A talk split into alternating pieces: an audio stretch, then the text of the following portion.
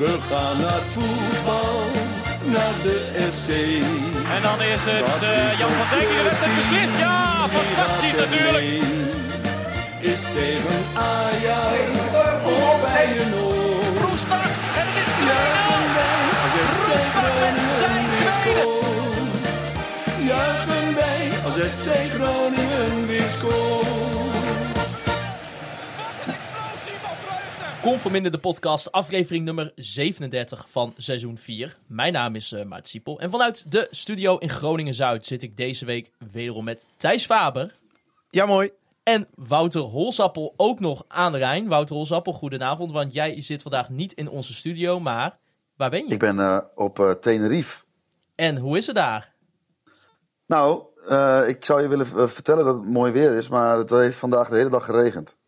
Oh, niet best. Eh, hoe lang ben je er al? Wanneer kwam je aan? Nou ja, van, eh, vanmiddag ongeveer. En eh, het regende pijpenstelen. Maar ik ben wel eh, met mijn nichtje van vier hebben we de regen getrotseerd en zijn we het zwembad ingedoken. Dus eh, we zijn wel diehards. En eh, hoe lang ga je daar ongeveer zijn? Een week. Volgende week ben ik weer terug. Ja, mijn ouders die zijn vorig jaar eh, 40 jaar getrouwd. Toen was natuurlijk corona. En, eh, Gefeliciteerd hebben nog. besloten, Bedankt. Die hebben besloten om ons allemaal mee te nemen. Nou, mooi, gezellig. Eh, wij zitten daarom met eh, iemand anders vandaag in de studio. Hij is de presentator van Heracles TV en onderdeel van Zwart-Witte Podcast. En ja, nadat we natuurlijk FC Groningen en Heracles hebben gehad, eh, kunnen we niet anders dan zitten met Casper Rijmakers. Welkom. Dankjewel, goedenavond. Ja, Casper, eh, voordat we even gaan naar de wedstrijd, de wedstrijd die eh, slecht afliep voor eh, FC Groningen, gaan we eerst nog bespreken dat we een evenement in het Forum hebben gehad, in Forum Groningen. Hols, jij kan daar misschien wat meer over vertellen, want jij bent eigenlijk een beetje de link geweest tussen de podcast en het Forum. Vertel. Nou, wij wilden natuurlijk altijd al een keer een evenement. Zeker nu corona niet meer zo actief in onze levens aanwezig is. En ik had inderdaad net die verkiezingen gedaan bij het Forum. Het lijsttrekkersdebat, uitslagenavond. En eigenlijk dacht ik toen van, hè, dan, als je daar dan mee bezig bent, dan leer je die mensen daar kennen. En je leert ook wat ze nodig hebben om een evenement te organiseren. Dus eigenlijk hebben wij gewoon een kant-en-klaar evenement bij ze aangeleverd.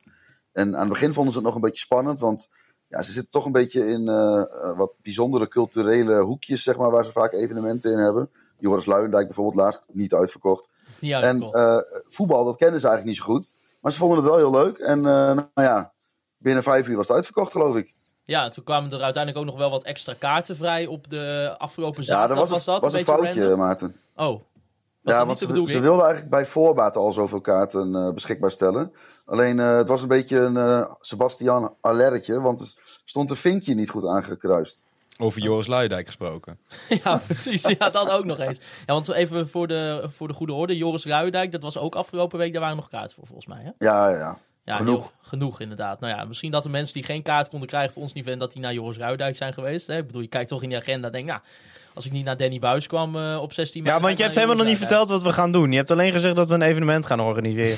Ja, maar ik kan me wel voorstellen... Volgens mij weet men het wel. Ja, ja, nee, ja, Buijs- dat, dat, dat kun je. Assumption is the mother of all fuck-ups. we- Dat kunnen wij niet aannemen. Dat moet je ook uitleggen. Oké, nou leg maar uit. Wat, eh, wat gaan we doen op 16 Nou, we mei? gaan een interactieve avond organiseren. eh, waar eh, onder andere hoofdtrainer Danny Buis een eh, college gaat geven. En eh, ja, eh, gaat toelichten hoe hij een wedstrijd eh, voorbereidt. Dat doet hij eh, aan de hand van beelden. Hij wordt daar geassisteerd door zijn eh, videoanalist Maxime Wouters. En eh, ja, de zaal die wij hebben kunnen regelen voor dit evenement, daar, dat beschikt over een heel erg groot scherm. Echt, maar dan heb ik het ook over echt een groot scherm. Ja, groot scherm. En, en daarop worden die beelden getoond, die, die Danny Buis eh, dan gaat uitleggen. En ja, naast dat is er, is, wordt het hele geheel ook nog een beetje door ons aan elkaar gepraat. Eh, we spreken met Adrie Poldervaart, eh, de assistent natuurlijk van Danny Buis. eh, en zo ja, komen wij de avond wel door. En ik zou nu kunnen zeggen, je kunt nog kaartjes halen, maar dat kan niet meer helaas. Dus nee. Nee, we zitten helemaal vol. Casper is er ook. Zeker, Jij bent er ook, zeker. dus, ik had eh, het wekkertje zelfs gezet om eh, aan elkaar te komen. Ja, nou ja, eh, je had hem binnen vijf uur moeten halen. Vijf, zes uur inderdaad, zoiets was het. eh. Ja, er was, eh, was een grote run op kaart. En eh, ja, het is gewoon tof dat het Forum eh, in ons geloofde. En dat Danny Buis bereid was om dit te doen. Dus eh, en die, die was er ook gelijk enthousiast over. En die, die dacht mee. Dus eh, nee, het gaat waarschijnlijk hartstikke leuk worden. Ja, Hols, weet jij hoeveel mensen er nou uiteindelijk in de zaal zitten straks? Ja, volgens mij uiteindelijk iets van eh, 250. Horen jullie me nog wel goed? Want ik hoor jullie echt matig. Oh. Ja, wij horen jou. 250 zei je. Ja, zoiets. Nou, dat is maar wat nog wel leuk is om te vertellen, om eh, Danny Buis, die hebben we natuurlijk gevraagd. En die zag ook dat, nou, je moet 10 euro voor een kaartje betalen. Maar eh, dat, dat was, was hij wel even geïnteresseerd naar. Want eh, die wilde absoluut niet dat als hij zou komen, dat er iemand geld aan zou verdienen. Dus nou ja, het geld wat, wat daarmee opgehaald wordt, eh, het forum, er, lopen natuurlijk allemaal professionals die, die de avond eh, eh, ja, in, eh, goed gaan laten verlopen. En Anouk van het forum van de productie, die gaat zelfs op zoek naar FC Groningen groene stoelen van dat geld. Ongelooflijk. Ja, ze zien Ja, maar weer wat de ja, partner dat voor Je kunt het bijna niet bedenken. Ja, tranen in de ogen wederom. Het is, eh, Ja, en dat forum zelf heeft natuurlijk ook best veel geld gekost. Dus het is wel logisch dat eh, daar even een Ja, 10 moet euro entreegeld voor betaald moest worden. Ja. Is eh, Jimmy, 270 Jimmy Dijk van de SP ook weer blij. Daarom, daarom. hey, eh Hols, nog een, eh, nog een fijne vakantie in Tenerife. En eh, volgende week zit je er gewoon weer bij. Ja, op eh, maandagavond heel laat terug, dus dan mo- moeten we dinsdag even opnemen. Oké, nou ja, dat, eh, dat komt wel goed. Veel plezier, jongens. Geniet ervan, hè? Yo, dank je. Beste mooi weer. Ja, Hols is weg en dan eh, moeten we toch eh, helaas naar het pijnlijke punt, eh, Thijs. Dat FC Groningen in eigen huis verloor met eh 0-1 van Heracles Almelo. In de 22e minuut scoorde Nicolai Lausen.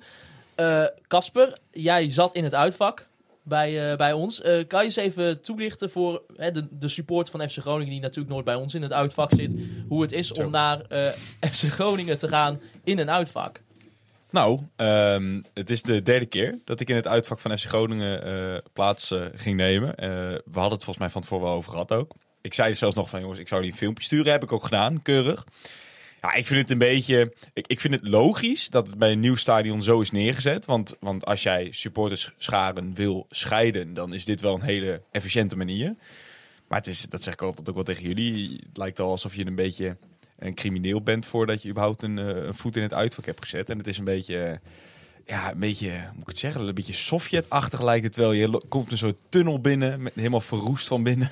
ja, En dan ga je onder de gracht door. En ja, het heeft, het heeft wel iets cult, iets cults, iets rauws. Maar het, het- ja, wat ik zeg, het voelt ook wel een beetje alsof je naar een strafkamp eh, toe loopt. Volgens mij zei ik het gisteren ook. Ik krijg er altijd een beetje FC Utrecht-achtige vibes van. En die tunnel is gewoon wat Ja, breder. precies. Ja, FC Utrecht heeft ook een tunnel eh, met allemaal beton. Maar daar heb je tenminste nog ook zicht naar buiten wat niet water is. Nee, nee ja, op een gegeven moment loop je één trapje naar beneden. Dan zit je letterlijk op waterniveau. Dat is best leuk om te zien. Er zit zo'n cirkeltje Een in. soort en dan- aquarium krijg je erbij. Ja, ja, dus dat is dan nog wel leuk. En dan heb je ook een beetje uitzicht. En dan zie je nog, dat je hebt daar rechts heb je nog van het uitvak zo'n soort ehm eh, zo'n zo'n stormbaan, weet je wel. Ligt er dan ook ineens. Dat is nog wel leuk. En dan gaat er nog een trap naar beneden. En vanaf dat moment is het inderdaad één blok beton en geen licht meer. En ja, een beetje creepy. Ja, maar en, en verder in het uitvak is hoe, is de, hoe is de horeca bij jullie? Want wij hebben wel eens kritiek over de horeca op ons eigen vak. Maar Ja. hoe is dat eh, in het uitvak? Ja, op zich wel prima. Ehm, je hebt natuurlijk twee van die, volgens mij twee uitvakken hebben jullie eigenlijk. Twee van 500, als ik me niet vergis. Ongeveer rond dat aantal. Of laat het Volgens 600 mij zijn. Ik denk Twee van 600. 600. Ja, dat denk ik ook. Want wij waren met 485 man en één zo'n vak zat ongeveer vol. Ja. Ja, dat is in principe prima. Dat, dat, dat gedeelte waar je in aankomt, zeg maar, is wel vrij klein. Dat is gewoon één horecapunt. En ik denk dat het een soort overdekt, zeg maar, daar is dat horecapunt, dat is eh, overdekt. Dat is denk ik, wat zou het zijn, 20 vierkante meter, 30 vierkante meter? Nee, is niet waar. Nee, 40, 50 vierkante meter, maar niet heel groot. Dus echt wel een klein gedeelte en dan eh, twee deuren. En dan eh, loop je het, eh, het uitvak in. En je haalt je eten tussen de tralies, toch? Ja, zeker. Ja, net als, en het zicht is ook tussen de tralies in het uitvak. Ja, met netten en eh, die, die wand ervoor. En, eh, Ja, Dat hebben ze ooit gedaan natuurlijk omdat mensen bier gingen gooien, et Ja. cetera. En eh, misschien pissen in bekers bier en dan naar beneden gooien. Maar ja, het is voor je zicht niet echt fijn. Nee, daar zit trouwens ook nog een soort tentje onder, hè? Onder Ja. het uitvak, Ja, zodat mensen dat niet meer kunnen doen. Precies. ja, het zicht en in het uitvak van Groningen is echt dramatisch. Ik denk Ja. dat het ook, als je Nederland breed kijkt, een van de slechtste uitvakken van Nederland is. Ja, maar wel vooral door dat net, hoor. Ik vind het verder vind ik het zicht niet eens heel slecht. Nou, wat jouw eh, eh, medepodcast vriend van ons, eh, Steven, ook zei. Die zegt als je op het moment dat je zo'n net voor je zicht hebt, dan Ja, wij hebben het ook wel eens gehad in uitvakken. je krijgt eigenlijk een beetje dat je ogen ook automatisch die sterren zeg maar scherp op dat net, waardoor wat je daarachter ziet, de diepte in, wordt eh, minder scherp ook daardoor. Dat is Ja. het fokt ook een beetje met je, met je visie. Ja, het zo. is heel vermoeiend om Ja. er doorheen te kijken. Ja. Nee, daarom. Ja, de- in dat opzicht eh, kan het ook wel bij ons beter, denk ik. Qua, eh, Ja, veel Eh, beter. Je leest ook wel vaak dat eh, andere supporters van andere clubs zeggen dat wij wel een van de slechtste uitvakken hebben. Dus ja, ik, wat mij betreft doen we daar iets aan. Maar ja, ik denk wel dat dat een duur project is. Denk Ja. het ook, ja. Maar positieve kant, we konden op het fietsje naar de uitvak. Dat is natuurlijk wel... Ja, jullie hadden vrij voer, hè? Dus dat eh, betekent geen restricties, eh, geen binnenstadverbod, dat soort dingen. Nee, en ik dacht dat ik samen met Steven en zijn tweelingbroer Thomas de enige was. Eh, dat wij de enige zouden zijn. Maar er stonden nog wat fietsen. Ja? We spraken zelfs een man die ehm, eh, heeft, eh, woont sinds 18 jaar in Groningen bij het Hoornse Meer. Eh, maar daarvoor in Almelo gewoond. is nog altijd Raakles fan. Eh, en eh, die zat in het uitvak. Terwijl zijn, zijn zoon volgens mij die zat, eh, die zat in het, op de thuistribune. dat is want die is van Groningen, Ja, die is Oh, geboren, dus er wonen dus ook Heracles supporters in Groningen, blijkt. Ja, dat zie je Ja, want ik weet wel, wij, wij doen dezelfde studie bij ons in de klas zitten vooral Twente supporters. Dat is echt ongekend. Dat Ja. is echt, ik denk gewoon, op onze klas van 25 mensen zitten wel drie Twente supporters in. Ja. Eh, maar Heracles was ik nog niet eerder tegengekomen in Groningen. nee. Nee, daar zijn we vrij uniek in. Nou, misschien had je zelf dan een beetje slecht zicht. Eh, Thijs, wij hadden een keer wat anders zicht. Ja, Eh, interessant, want wij zaten in een skybox. het is wel goed. Deze wedstrijd nodigt niet uit om over de wedstrijd te Nee, praten. Dus we kunnen hier mooi over door. Hier. Want hoe, wij zitten in een skybox en dan denken de mensen, wat? Gaan eh, de jongetjes die altijd zo, zo stoer op Noord staan, gaan opeens met de voetjes omhoog en eh, de champagne ingeschonken, alles kijk. ready. Kijk, Noord is, eh, is altijd geweldig qua beleving. Het, is ook de plek waar ik het liefste naar voetbal kijk. Maar ik had een aantal podcasts geleden had ik, een verspreking gedaan. Dan had ik namelijk in plaats van sponsoren had ik sponsortjes gezegd. toen had ik mij meteen al eh, hersteld. Maar ja, toen was het kwaad al geschied. Dus toen kreeg ik die, die weken na kreeg ik een mail van eh, Silke van het bedrijf Toupay. En die eh, zei, nou, ik heb dat gehoord en ja... het enige wat ik kan doen is zeggen van kom een keer bij ons in de box een wedstrijd kijken en dan kunnen we het tegendeel bewijzen. Hij vertelde zelf ook, hij, vroeger had hij gewoon in het Oosterpark en zo gewoon gestaan op de, op, op de tribunes toen nog. Uitwedstrijden altijd bezocht. Precies. En eh, nou ja, wij hadden zoiets van, nou ja, Herakles thuis op half drie smiddags. Kan wel een keertje. Ja, hij had Dus, ook in de eh, mail gezet van, eh, nou ja, ik weet dat jullie er misschien niet helemaal van zijn, maar ik wil jullie toch wel uitnodigen. Ja, en met name dat gedeelte hapje en een drankje wordt geregeld. Dat was voor ons zeer aantrekkelijk om eh, daarop in te gaan. Ja, want je moet je voorstellen, we zaten ook nog eigenlijk op de hoogte van de Middenrijn. Ja, we zaten echt ach- achter de E ESPN-camera. Ja, ja, letterlijk Ja, want ja. ESPN bepaalt dan dat is het beste standpunt. En daarachter zaten wij. Dus ja, wij, wij konden alles zien. Ik heb die wedstrijd ook gewoon heel goed kunnen volgen. Ik helaas. Mocht, ik mocht van Silke mocht ik eh, zelf bier tappen. eh, ja, je kreeg een hamburger in de rust. Ongelooflijk. Ja, Ja, het was, en je hoefde er niet voor in de rij te staan. nee, dat ook nog eens eens. Ja, en weet je... al- Bier uit glas. Zijn er trouwens twee rijen bij jullie? Is dat allebei Skybox of niet? Ja, ja je hebt eh eerste verdieping, tweede verdieping. Dit Ja. was dan op de eerste verdieping. Ja. Dus ja, weet je, voor een keertje dachten we van, nou, dat is wel Eh, leuk. eigenlijk. topervaring eh, en eh, ja, gewoon een hele leuke middag gehad. Ja, en leuke vent inderdaad ook. Ja, en, en en we hadden nog een boekhouder nodig. ja, ja. En da-. Daar moeten we nog een keer een kop koffie op drinken. Ja. Want iedereen had op een gegeven moment te veel bier op om eh, daadwerkelijk over boekhouding te gaan hebben. Maar Ja. eh, nee, ja, Toupé, eh, topbedrijf zou ik zeggen. Topbedrijf, topbedrijf. Dus ja, dat, dat was hartstikke leuk. Ehm, nou, we hadden dit zicht ook wel eigenlijk nodig eh, om het nog enigszins die middag Draaglijk. een beetje draaglijk te maken, inderdaad. Want het was inderdaad eh 0-1 eh, bij FC Groningen. Kwartier bezig, we gaan toch over de wedstrijd hebben. Ja, to- to- mo- uiteindelijk kom je er toch wel. Hè? En zeker, eh, nou ja, in dit geval, we- ontkomen er ook niet aan. Dan moet je maar geen supporterspodcast Ja, en dan heb je ook nog eh, vorige week gedacht, nou, we zetten die Herakliet wel aan tafel. Nou, Ja. die zit hier weer hoor, Ja. met, de, met de lach op zijn gezicht. Goh man, die had al 40 jaar geen uitwedstrijd meer gewonnen. En eh, die, die, die, waren nog, die hadden nog dat oude logo de- en, en dat oude stadion. Toen ze voor het laatst een uitwedstrijd wonnen. En eh, ja. daar waren ze. Ja, eh, bij FC Groningen miste uh, Casemiro vanwege een schorsing. Voor hem in de plaats speelde Melairo Bogarde. Eh, verder werd Paulus Abraham vervangen door uh, Dareo Irandust. En uh, hierbij schoof Mo Kouri naar de linkerkant. En zagen we aan de rechterkant dus Irandust. Thomas Soeslof was er ook nog steeds niet vanwege de blessure die hij opliep bij Slowakije. Bij Heracles volgens mij Kasper, ontbraken Braswieg, uh, Kiyomitsoglu en Guagliata vanwege de blessures, toch? Was dat het een beetje? Ja, en nog een, natuurlijk wat langer uh, geblesseerd. Ja, het is een hele waslijst als je kijkt naar um, wat bijvoorbeeld speelde um, eerder dit seizoen. Maar het was inderdaad, in dit geval was het, nou, dingen wisten we al natuurlijk, Blaswig en Kio, dat die het niet zouden redden. Ehm, maar ook ehm Giacomo worden we vlak voor de wedstrijd. Dat was wel een verrassing voor, eh voor menig Herakliet. Ja, Thijs, toen jij dat zag, dat eh, eigenlijk vanaf de eerste seconde werd het al duidelijk dat Mo El Nkouri van links kwam en Iran dus vanaf rechts. Met dus als vervanger van Casemiro, Megairo, Bogarde. Wat dacht je op dat moment toen je dat zag? Want het was misschien toch ook wel een beetje gek als je keek bijvoorbeeld tegen Heerenveen dat Mo El Nkouri aan de rechterkant eh, begon. Ja, nou ja, het was natuurlijk na Heerenveen wel logisch dat ze iets van wisselingen gingen uitvoeren. Want dat was gewoon een hele slechte wedstrijd. Zeker in aanvallend opzicht. Eh, ja, je hoopt dan dat misschien met Iran dus tussen de linies de Groningen een keer wel creativiteit kon krijgen. Wel een keer tot aanvallen kon komen. Maar ja, ik denk eh, dat we achteraf wel kunnen zeggen dat dat ja, niet tot nauwelijks gelukt is. Ehm, ja, je, je vraagt je gewoon af van, van waar moet de diepte in dit elftal vandaan komen? Want El Kouri is niet ontzettend snel. Niet de pure snelheid, zeg maar. Hij heeft echt een actie. Is echt wel een aantal keer in de diepte aangespeeld. Maar ja, die speelde ook geen goede wedstrijd. Eh, Iran dus een speler die de bal komt halen. Duarte komt de bal halen. Ehm, de Leeuw is niet iemand die zomaar de diepte inloopt. En die is aan de bal ook zo ontzettend matig de laatste weken. Ja, wie, wie moet dan die aanval creëren, vraag je af. Dan moet eigenlijk de diepte van de backs komen. Nou, en Meijer is ook al weken wat minder. Eh, ja, Dankelui eh, heeft recent het niveau ook niet. Ja, dan zit je eigenlijk naar een wedstrijd te kijken dat je gewoon maar eigenlijk zit te wachten van ja, misschien dat een bal een keer goed valt. Dus wat je dan vaak krijgt is dat eh Meijer de bal speelt hij naar El Nkouri. Die staat tegen de zijlijn aan. Die kan de bal nergens kwijt. Speelt hem terug naar Meijer.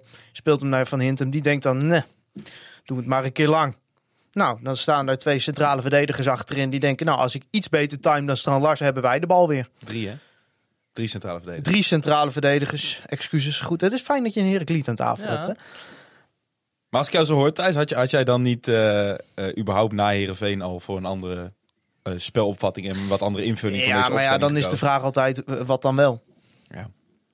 Op zich is het wel te verklaren eh, dat je met El Nkouri start. Uh, Heracles heeft Fadiga op, op rechtsback. Dat is een speler die ongelooflijk veel mee opkomt. Ja, dan, is het, dan heb je daar tegenover toch liever El Nkouri die verdedigend wat beter is dan Abraham. Dus ik, ik snap die keuze wel. Maar ja, met Iran dus is dan waarschijnlijk het idee. Dan heb je net even een mannetje meer. Elke speler die met een actie misschien een overtal situatie kan creëren. Eh, maar ja, er lopen gewoon een aantal spelers dan bij Groningen rond dat ik denk, weten jullie überhaupt zelf wat jullie taak is? Bijvoorbeeld zo'n De Leeuw. Wat, wat heb je daaraan? Ja, Kijk, als hij, als hij moment schot, als hij in schotpositie komt, dan scoort hij vaak wel. Maar hij komt niet in schotpositie. Ik blijf het altijd bizar vinden. Dat zei ik ook nog tegen Steven in het uitvak. Dat jij ehm, eigenlijk stikt het in jullie selectie van de creatieve nummer 10's. In potentie, Ja. denk ik. En, en Michael de Leeuw is je nummer 10. Dat blijf, Ja. dat blijf ik altijd een bizar fenomeen vinden. Nou, De Leeuw is een beetje een 9,5. Hè? Dus die zit een beetje achter Strand Larsen. Eh, wat ze vaak ook wel proberen is dat De Leeuw kopduel wint en eh, neerlegt voor Strand Larsen. Want eh, De Leeuw kan beter koppen dan Strand Larsen. In ieder geval in de duels. Ja. Maar ik denk als je een type Strand Larsen hebt, een, een lange fysiek sterke spits die een bal vast kan houden, dan wil je daar altijd een, een type met snelheid en creativiteit omheen hebben. En, en niet ook een vrij lompe, ehm Ja, maar eh, de, de Leeuw... logge spits. De Leeuw, het enige ik me, wat ik me voor kan stellen is waarom ze hem laat spelen. Is ja, dan komt weer Ervaring. ervaring en zo. En dat ja, dat, dan denk ik weer van, van. Eigenlijk speel je gewoon met 10 aan de bal. Ja. Als hij meedoet. Want een goede aanname heeft hij niet. Het is niet een speler die het spel makkelijk verlegt. Slecht Het is, het positie is gewoon een afmaker. Ja. Maar waarom zou je hem dan niet als afmaker gebruiken als je hem überhaupt opstelt? Ik snap überhaupt niet waarom hij nog speelt. Kijk, hij heeft de fase gehad dat hij een aantal, aantal wedstrijden achter elkaar scoorde. Maar dat is zijn kwaliteit. Maar dit Groningen creëert niks. Ik heb soms ook het idee dat hij eh Strand Larsen in de weg zit. Ja, maar dat, het, zijn twee dezelfde types. Want Ja. Strand Larsen die is voetballend ook niet genoeg. Die kan het wel meer. En die is nog jong, die kan dat ontwikkelen. Maar Strand Larsen is uiteindelijk ook gewoon de fox in de box, zeg maar. Ja. Je ziet ook heel vaak dat er een voorzet komt. En dat zijn er een boel geweest. Ze hebben het wel geprobeerd. En dat Strand Larsen en De Leeuw op dezelfde plek uitkomen. Dan denk ik, ja, dan lopen ze elkaar volgens mij gewoon in de weg. En, en dan snap ik niet dat als je Romano Postema op de bank hebt, wat je ook ervan vindt, die, heeft, die krijgt niet de kans. Terwijl dat is een speler die vertegenwoordigt waarde, die is nog jong, daar moet je de komende jaren... Kijk, De Leeuw is nou, volgend seizoen hopelijk reservespits. Dat is niet meer onze basisspits, hopelijk. Ik denk ook als ik, als ik bijvoorbeeld een Irandus en Elwan Kouri, die allebei niet gelukkig speelden eh, zondag. Maar als ik hun zie qua, qua type en, en de loopacties die ze maken. En waar ze het in ieder geval wel dreigend werden, was dat in de as. Dat ik denk van, zet die dan op 10. Dat Ja. lijkt mij meer, meer complementair aan, aan, Nou aan ja, Iran dan- dus kwam natuurlijk ook best wel veel in het centrum Ja. uit steeds. Wel van de rechterkant dan. Maar ja, dan loopt hij weer Duarte eigenlijk in de weg. Ja. Ja, ik, ik, ik vond het eigenlijk... Had je bij al die spelers het gevoel dat ze een beetje als een kip zonder kop rondliepen van... We, we weten het ook niet. Ja, hoe keek jij, Casper, vanuit het ook meer het Herakles perspectief naar dat begin van die wedstrijd? Nou, Heracles was ook niet goed, hè? Nou, ik, ik denk dat Raaks op het begin heel erg eh, moest wennen. Omdat eh, nou, wij speelden dus met drie achterop. Ehm, enigszins noodgedwongen, denk ik. Omdat je met tussen Roosken en Gualiata heb je wel verschillende types. Ik denk Roosken iets aanvallender. ehm, ehm, waardoor je dus geneigd bent om hem als wingback op te stellen. Maar ook Mats Knoester keerde terug. Da- Wormoed vindt dat hij daar niet omheen kan. Justin Hoogma heeft het afgelopen weken zo goed ingevuld dat hij daar ook niet omheen kan. Maar hij wil ook niet met twee linker eh, centrale verdedigers starten. Of tenminste twee linkspoten in de as. Eh, dus wil hij ook Marco Rente weer, eh, weer opstellen. Om ook een stukje snelheid te hebben. Dus heeft, is ervoor gekozen om met drie achterop te gaan spelen. Natuurlijk ook om, om, te, om te tackelen hoe Groningen speelt. Dus ja, dat was wel wennen. Want dat spelen we eigenlijk nooit. Ehm, en de keren dat het dit seizoen wel geprobeerd is, werd er eigenlijk na een kwartier alweer geswitcht naar het, ja, 4-4-2 laag, 4-3-3 hoog. Gewoon omdat het, het, het kwam er niet uit. En eigenlijk was het nu ook weer de eerste 5 à 10 minuten lukt het ook weer niet helemaal. Groningen had het iets beter van het spel. Ehm Raak zat heel erg moeite met het feit dat eh, wingback niet tegenover wingback kwam te staan. Daar gingen ze natuurlijk in eerste instantie vanuit. Maar Bjorn Meijer bleef eigenlijk heel laag staan. Was eigenlijk een klassieke linksback ineens. Ehm, en da- daar wist Raak zich geen raad mee te geven. Dus daar lag ook steeds ruimte. En op een gegeven moment, volgens mij na een minuut of tien, zie je dat eh Anas Ouahim eh, meer aan de rechterkant gaat spelen. Dat hij echt meer Meijer op ging pakken om ervoor te zorgen dat ja, die ruimte die Meijer wel had, omdat hij zo laag stond, dat dat ook wegviel. En eigenlijk vind ik dat na de eerste 10 minuten kwartier, vind ik dat het eigenlijk volledig eh, onze kant op viel. Met de doelpunt als, als bewijs. Ja. Maar eigenlijk ook eigenlijk daarna de hele eerste helft vond ik, vond ik Herakles wonderbaarlijk eh, dominant. Ja, want dat doelpunt inderdaad, 22 minuut. Uh, Bogarde die de bal een beetje knullig verliest.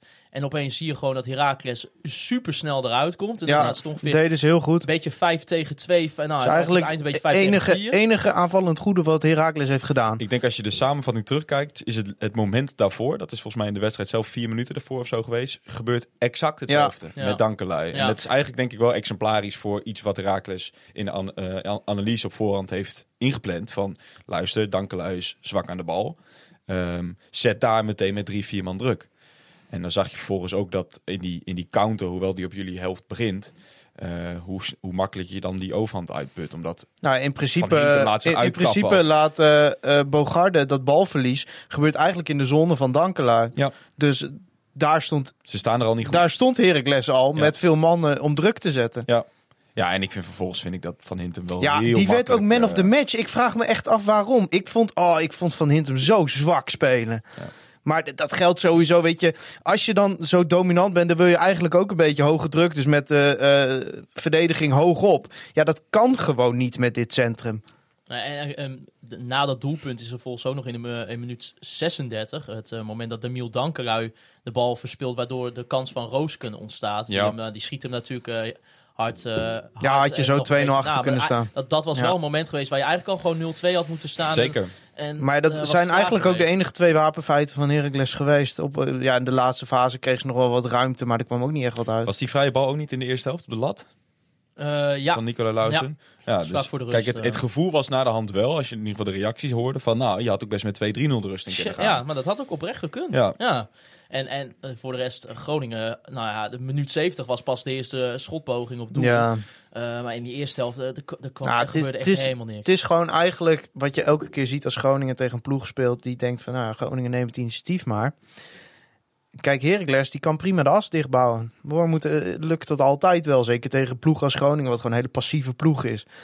Eh, dat zag je Heerenveen ook doen. Die bouwen gewoon de as dicht. Ja, Groningen weet het niet. Nee. En, en, en, en ja, dan, dan op een gegeven moment, je gaat altijd een paar kansen krijgen. Ja, als Lauwers dan zo onderkant lat binnenschiet. En, en wat gewoon het meest verontrustende is, zeker als je naar het resterende programma gaat kijken.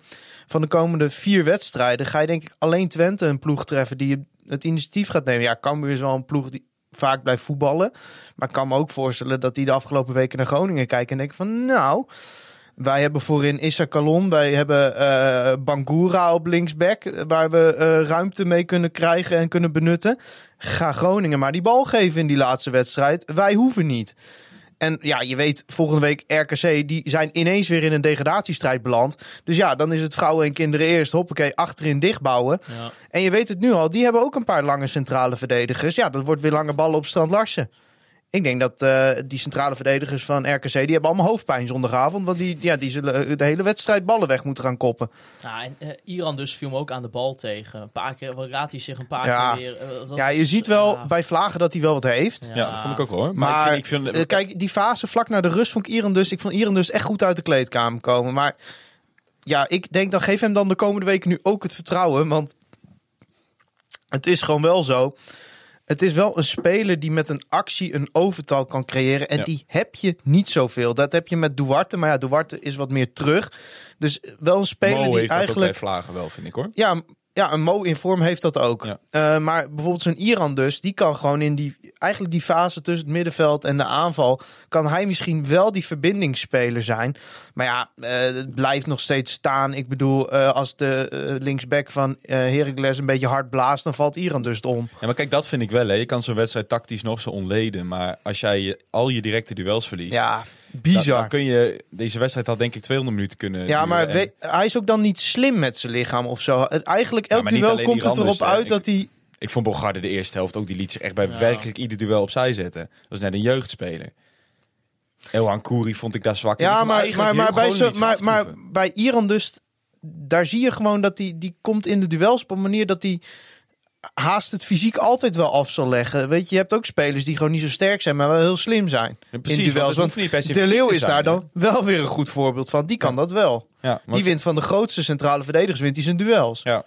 Ja, en het hoeft ook niet per se fysiek te zijn, vind ik. Want kijk Nou, naar Mike de Wierik. Die laat in de eerste helft met zo'n duel zien van... kun je nog zo hard erin kleumen, dan wordt het een overtreding. Dat doe je Ja. tactisch nog niet goed. En raakt hij ook nog zelf geblesseerd. Ja, want dat was ook zo'n gek moment vlak voor rust. Dat Dat is wisselmoment raar, van Ja, wel niet. Mijn theorie hierover is dat je, je krijgt als trainer drie wisselmomenten op de, met, de, met de rust dan erbij. Ik denk dus dat Buis zoiets had van, wacht nog even tot de rust. Dan kost zo. het me geen wisselmoment. Heeft hij gezegd. de ja, maar ja, Mike de Wierik die schijnt na de wedstrijd ook gezegd te hebben... ik werd misselijk van de pijn. Dan moet je dat wisselen. Maar het werd echt een soort, weet je... eh, ik, ik ben leider van een onder 19 elftal. En daar heb je wel eens dat je wissel nog niet helemaal klaar is met warmlopen. En dat er iemand zegt ik moet eruit. Ja, dat werd het een beetje. En wat helemaal raar was, is dat er ineens een enorme bloknoot met allemaal standaard situaties nog naar voren kwamen. Terwijl Groningen met 10 man stond. Het was heel knullig allemaal. Ja, en later ook, dat is dan in- pas in de 74e minuut, dat Bart van Hintem, die gaat er dan ook uit. Dat duurde ook allemaal heel erg lang. Was ook een soort van Ja, maar ik, ik vond het. eh, ik, kijk, ik zag het allemaal iets beter dan normaal vanaf Noord. Van, ik vond het gedrag van Van Hintem heel raar. Eerst tegen Mike de Wierik en dan bij die wissel. Het leek bijna alsof hij deed, alsof hij niet zag dat hij gewisseld werd. En dan niemand een high five geeft. Dan denk ik, kom op man, is dit nou de leider van dat team? Ja, Ik vond dat hij eh, dat duel tegen Mike de Wierik, die won die wel goed. Ja, Die wel goed, het enige ja. duel dat hij heeft gewonnen, ja. Zo. Ja, Ja, nou, ja, liggen. dit is gewoon, weet je... Maar was hij nou echt boos of was het zo van hou op te zeiken, je moet er gewoon uit? Nou, eh, het zijn vrienden van elkaar. Ja, ja. Hè? Ik bedoel, Mike de Wierik, of Bart van Hintem, die woont bij Mike de Wierik door de Ja. week. Dus ja, ik, ik denk Hij dat leek het... wel boos, hè? Ik- ja, maar het kan ook zijn dat hij boos op Buis was dat hij niet wilde wisselen. Want Mike de Wierik had al drie minuten geleden aangegeven... ik moet gewisseld worden. Ja. Ja, het is allemaal weer heel knullig. En weet je, als je die wedstrijd wint, heeft niemand het erover. En nu denkt iedereen dat de hele selectie in brand staat. Dat is ook niet zo. En het is ook echt niet allemaal de schuld van, van Hintem dat we verloren hebben. Want ja, eigenlijk was iedereen slecht, behalve Duarte. Duarte is altijd wel oké. Ja, ja, Duarte was gewoon weer heel goed Ja. zelf, durf ik Eh, maar ja, je hoopt dan dat Duarte wel een keer iemand voor de keeper kan zetten. Maar ja, ik denk echt, de Stan Larsen shirt hoeft niet gewassen te worden. Nee, nee. hey, maar Ma- Mike en eh, Bart van Hintem eraf. Swerko met de band, zag ik dat nou goed? Ja, ja. Daar kregen we ook een luisteraarsvragen over. Die, eh, die Ja, op een gegeven moment is hij de oudste speler op het veld natuurlijk. Ja, maar was dat bewust of was dat meer van we hebben gezien om die band weer naar nou, ik, 88 ik armen denk, te laten eh gaan? El Koer heeft afstand gedaan van de band. Dan is het raar dat hij de band weer om zou doen. Mhm. Eh, ja, eh, Leeuwenburg, ja, dat kun je toch niet serieus nemen als die je staat uit te voeteren. Ja, dan op een gegeven moment komt... Ja, Zwerko blijft dan over. Ja, is het, echt, is het echt dat? Nou, nee, weet ik veel. Ik weet niet exact wat het is, maar... Het was denk ik gewoon van jongens, weet je, het is nog... eh nou nee, Zwerko kwam er best wel eh, vroeg voor het einde nog, eh, nog in. Ja, laat ook maar staan. Vind het prima. Zet hem maar op die linker centrale verdediger. Dan Te Wierik kan ik nog mee leven. Ja. Gewoon Ja. Zwerko, Te Wierik. Kan Zwerko vast hè, gaan bouwen aan volgend seizoen. Die moet nu vertrouwen krijgen. Ik kan me niet voorstellen dat het team minder is dan Van Hintem. Maar is ik wil, het is een beetje de. Van Hintem afzeik podcast van mijn kant aan het worden. Maar ik weet niet. Het, het- ik, ik hoorde ineens Man of the Match Bart van Hintem. Toen dacht ik, ja oké, het was niet dat hij een afschuwelijke wedstrijd speelde. Maar ja, Nee, want Keesje vroeg inderdaad ook van wat we ervan vonden dat Marin Zwerko opeens aanvoerder was. Terwijl die eh, ja, weinig autoriteit uitstraalt. Eh, Zegt hij gewoon iets over het gebrek aan rijderschap binnen deze selectie. Maar in, nou ja, ja, dat is soms- wel iets wat Buis Ja. ook wel eens benoemt. Hè? Die zegt er is gewoon geen natuurlijke leider in deze selectie. Ja, in die tweede helft, eh FC Groningen gaat ook wisselen.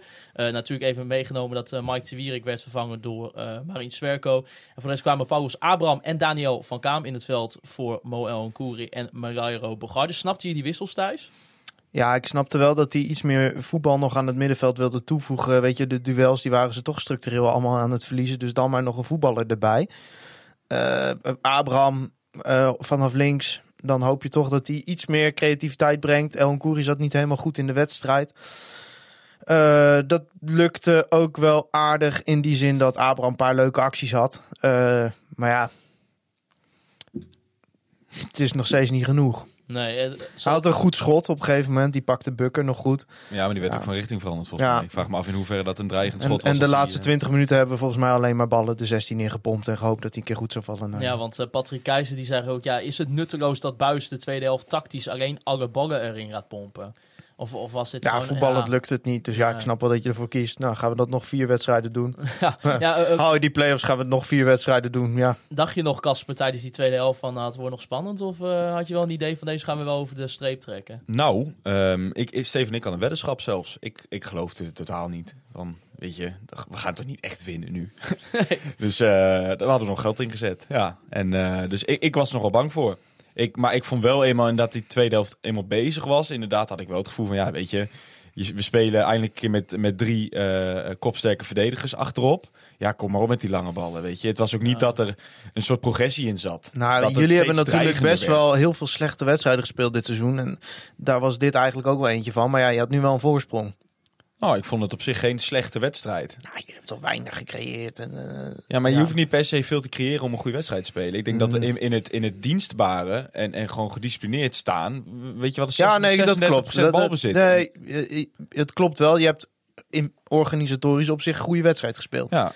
Je hebt ook je best hebt, veel kansen ge- je, hebt, gecreëerd. je hebt Groningen echt gepakt op waar Groningen zwak is. Ja, tweede helft ook weer die kans met Lausen op een gegeven moment. Ja, Weet je, ik denk dat de grootste kansen waren wel van, van Herakles. En als jij kijkt op Ik heb naar de expected goals gekeken. Dat, eh, 0,8 volgens mij. ja, Groningen 0.48, Heracles 0.8. Een echte topper voor de neutrale toeschouwer. eh. Ja. ja en, en dan weet je, als je dan vervolgens ziet dat je in, pas in minuut 70 de eerste doelpoging hebt van Meijer. Wat eigenlijk ook gewoon een beetje die bal komt Ja. terug en is schieten. Maar ja, Voetzoeker, zei de commentator. ja, de, vo- ja, nou inderdaad, de voetzoeker, ja. Het is gewoon Ja. een, eh, een ongelooflijk trieste wedstrijd. Ja. En ik ben bang dat dat volgende week niet heel anders gaat zijn. En dat terwijl dit eigenlijk wel een beetje de, de kans was om uit te lopen op de concurrentie. Als je zag Ja, maar ja, die eh, heb ik eigenlijk allemaal zien voetballen op Utrecht na. Want dat was tegelijk met Groningen. En ik heb Eagles ook niet gezien, dat klopt. Maar ik heb zaterdag en vrijdag een beetje voetbal zitten kijken. Ik denk, ja, die zijn ook eigenlijk allemaal matig. Ja, Die ja zijn ook niet goed in allemaal vorm. slecht. eigenlijk Ja, eigenlijk komt het erop. Ja, maar dat heeft ook een keerzijde. Dat eh Heracles, dan nu de nummer 14 voor deze wedstrijd. Dat verschil met Groningen is echt niet zo groot. Dat je in eigen huis even makkelijk over Heracles heen loopt. Nee. Eh, ja, andere zijde is om dan pas in de 70 minuut een keer op doel te schieten. Dat vind ik ook wel weer te veel van het goede. Ja. Maar ja, het zijn wel de wedstrijden waar ik me wel zorgen over maak. Ja, ik, ik, ik zie bijvoorbeeld wel een scenario voor me. Waar in de komende vier wedstrijden we de drie winnen en één, of eh, drie verliezen, één winnen. En dat die één overwinning uit bij Twente is. ja.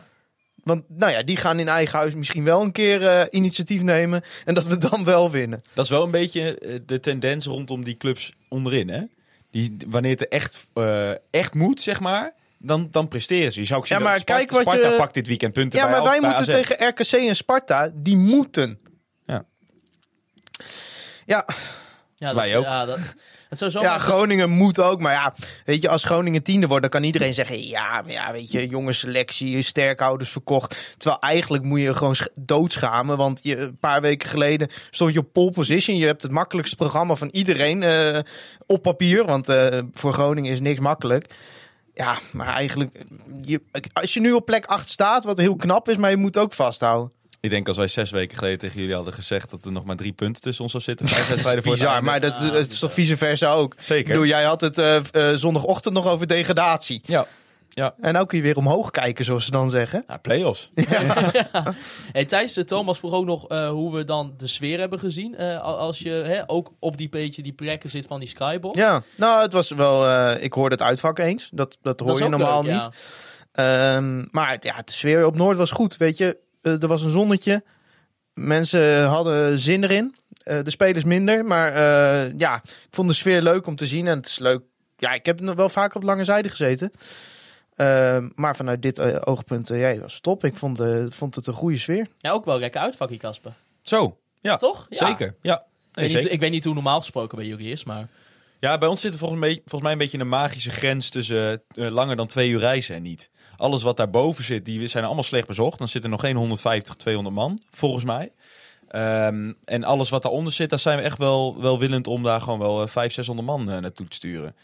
Dus ja, dat, dat was wel heel leuk. En eh, ja, weet je, op zo'n voetbalzondag, ja, wat moet je anders doen? Ja, Je heerlijk. gaat toch lekker naar Groningen toe. Lekker weer. Eh, volgens mij, wat ik zeg, uiteindelijk 485. Jij bent eh, dit jaar bijna vaker in de Euroborg geweest dan in eh op Erven als Cito. Moet ik zeggen, het is een erf, Ja. hè, dus het is erop. Zeker. Ja, nee, dat is waar. Dat is waar. Ja, ik vond het ook weer. Het was, was leuk om Noord te zien. Weet je, ik weet niet of jullie exclusieve content ook in deze bespreken. Alleen Wim had het natuurlijk, Wim Masker, over eh, dat veel mensen van boven naar beneden gaan. Ja. Nou, dat was wel. Ja, want, zondag, het, eh, kon want je dat heel voor, goed de, voor de wedstrijd eh, kwam er in die box iemand van FC Groningen eh, naar ons toe. eh, die praten wat. Die zei op 300 kaarten naast uitverkocht. Ja. En, en ik denk dat eh 80% stond op Noord. Nee, maar zonder gekheid, dat was echt niet normaal. Hè? Wat ik zeg, jullie konden het nu ook goed zien. Ja, Wat een zee aan mensen staat Ja, daar. bizar. Ja. Ja. ja, het staat er inderdaad gewoon helemaal vol. Het is heel gaaf als voetbalsporter, maar ik had inderdaad ook nog in het uitvak met mensen over of het helemaal veilig is. Dat denk je soms ook wel van, er hoeft maar iets te Ah. gebeuren en Ja. je krijgt toch gauw zo'n domino-effect als iemand struikelt of zo. Of... nou, het, Ja, is, dat ja, het is toch eigenlijk al sinds de opening van het stadion altijd goed gegaan. Dus. Ja. Nee, maar ja, ik snap het. Kijk, je hebt inderdaad wel bijvoorbeeld, ik weet dat tegen Ajax, dan is het wel soms zo als je dan een beetje op de verkeerde rij staat, dan sta je soms dubbel op een rij. Ja, Dat heb je wel natuurlijk, maar ja. nou, ik zeg wel altijd goed gegaan, maar het is natuurlijk bij de stadionbrand. Is toen, nee, ja, nee, ja. maar dat ja. kun je wel om lachen. Maar daardoor is zeg maar, eh, omdat er zoveel mensen daar beneden stonden, is er toen wel een situatie ontstaan waar best wel veel mensen eh, in de verdrukking kwamen of wat dan ook. Ja, en daar ook echt eh, wel letsel ja. aan over hebben gelaten. Dus Nee, ja. Daarom zei ik het ook. Ik vond, ik vond het echt best wel... Ja, maar dat, Dat is dus, dan zie je als er iets gebeurt, dan is het inderdaad, je bent niet zomaar weg. Dat is Nee. wel waar. Nee, dat klopt. Dat is, dat is inderdaad zeker zo. Dus ja, maar ja. ik, weet niet, eh, ik weet niet of het idee ook nog sti- eh, speelt om een keer eh, dat safe standing eh achtig iets in te voeren. Nou, ik heb er eh, in die zin niet zoveel verstand van. Maar ik weet wel dat er, eh er komen nieuwe regels aan. Ja. Want er zijn nog geen regels. Dus ik kan wel nieuwe regels zeggen. Maar er komen regels aan. Naar aanleiding wat er natuurlijk bij NEC Vitesse is gebeurd. Dus jullie hebben, 2010 het is bij jullie ook actueel. Want Ja. jullie stadion is nu ook eh, niet vol. Omdat ze ook eh, ja, dingen vonden en preventief daar moeten ingrijpen. Maar volgens mij zijn de regels onderweg. Maar ik moet, dit is altijd, ja, dit heb ik niet voorbereid. Dus Nee, precies. maar dat, eh, dat kan eh, consequenties hebben voor eh, het ongeplaceerde van Noord. Dat klopt. Ja. De verwachting is, want het is laatst in 2010 is dat herzien. Ehm, en, en, en er zijn veel eh, analyses geweest waaruit blijkt dat supportergedrag is veranderd in de afgelopen tien jaar. Wordt meer gehost, wordt meer gesprongen. Eh, mensen gaan inderdaad meer op plekken staan waar het eigenlijk niet helemaal de bedoeling is dat ze daar gaan staan. En daar zijn heel veel constructies in de Eredivisie zijn er niet helemaal op voorbereid. Is niet een direct risico, alleen ehm, eh, bijvoorbeeld bij Raakles was het zo dat, dat eh, de constructie van onze tribune dezelfde is als bij NEC. Dus ja, om dan eh, te zeggen van ja, daar gaan we helemaal niks aan doen en eh, zien wel het goed jullie komt. hebben ook zo'n uitvak als je daarop gaat springen. Dat zou best eh, Ja, gevolgen kunnen hebben. Ja. ja. Dus ja, even afwachten dan. Ja, maar ja, dit is altijd een beetje eh, slecht als je het niet voorbereid hebt. Want ja, ik kan nu niet een heel lijstje met mogelijke regels voorlezen. Maar ik, ik, we hadden het er toevallig over. Ik weet dat er iets van ontwikkeling op dat front zijn. En Arjan Tangens had dan nog de vraag om nog even één keer op de wedstrijd terug te komen. Ja, dat we kunnen we toch wel langzamerhand eh, tot de conclusie komen dat eh, het buis gewoon uiteindelijk niet gelukt is in deze jaren bij FC Groningen om het ja, aanvallende gedeelte neer te kunnen zetten op een kwalitatieve manier. En dat hij eigenlijk nog best wel veel te leren heeft in dat opzicht. Nou, het- kijk, dit is een beetje een ja-nee vraag. Ehm, in principe ja, maar ja, er is wel een nuance. Als je elk jaar met een volledig nieuw team weer opnieuw moet bouwen, een team zonder vastigheden, dan, is er, dan zijn er genoeg omstandigheden om te zeggen: het is best logisch dat het niet altijd lukt. Maar ik ben wel van mening dat het. Dat je had gehoopt dat we nu verder zouden zijn. Ja. Maar dat zegt hij zelf volgens mij ook. Maar ja, wat het precies over de trainer Buis zegt, weet ik niet. Eh, Ik Maar- denk los van de top 4 in de Eredivisie is bijna elke club moet kiezen. Of investeren op een aanvallend sterk, eh, sterke ploeg of een verdediger. Ik denk dat het heel weinig lukt. nou, hij, hij legt dat zelf vier? altijd perfect uit. Hij zegt, welke club haalt en resultaat en speelt mooi voetbal? Ja. Dat zijn er niet zoveel. Nee. Dus hij zegt, ik kies, dat spreek ik vanuit Danny, zeg maar, ik kies voor eerst het resultaat. En daardoor kunnen wij als club, eh, omdat we steeds die play-offs blijven halen en daardoor die continue stroom aan tv-geld hebben, kunnen wij een beetje op hetzelfde niveau blijven acteren. En door het ontwikkelen van spelers, want dat kan die goed, eh, kunnen we daar ook nog geld mee verdienen. Dus hij zegt, je, je hebt eigenlijk twee van de drie heb je onder buis gehad. Je hebt het resultaat gehad. Hij heeft altijd de play-offs gehaald. En de tweede pijler is, hij heeft altijd spelers ontwikkeld. Hij zegt, als je dat mooie voetbal erbij wil hebben, ja, dat is gewoon heel moeilijk om dat te bereiken. Er zit natuurlijk ook weer een nuance aan. Het wordt een heel lekker genuanceerd Ja, verhaal. Maar heerlijk, ja. Elk seizoen play-offs gehaald, ja? Klopt. Ja. Ja, behalve dat coronaseizoen, maar dat is niet afgemaakt. Ik denk als we die uitgespeeld hadden, dat we het toen niet gehaald hadden. Maar goed, hij kan blijven zeggen altijd play-offs gehaald.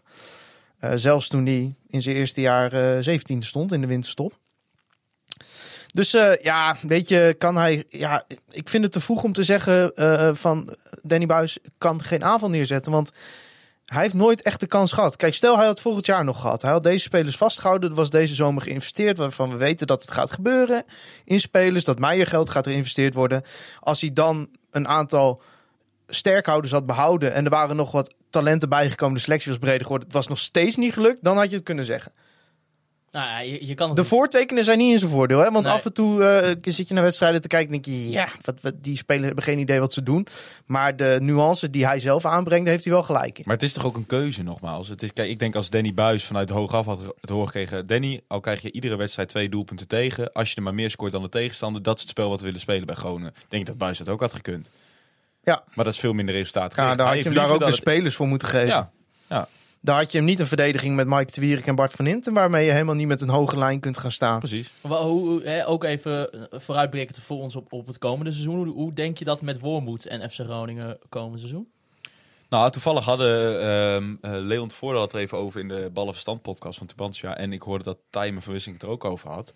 Ehm, eh, die, had die had Frank gesproken na de wedstrijd met Oost, met RTV Oost. Ik, ik denk dat het ondertoon van Frank was wel een beetje, die is wel een beetje geschrokken wat hij gezien heeft.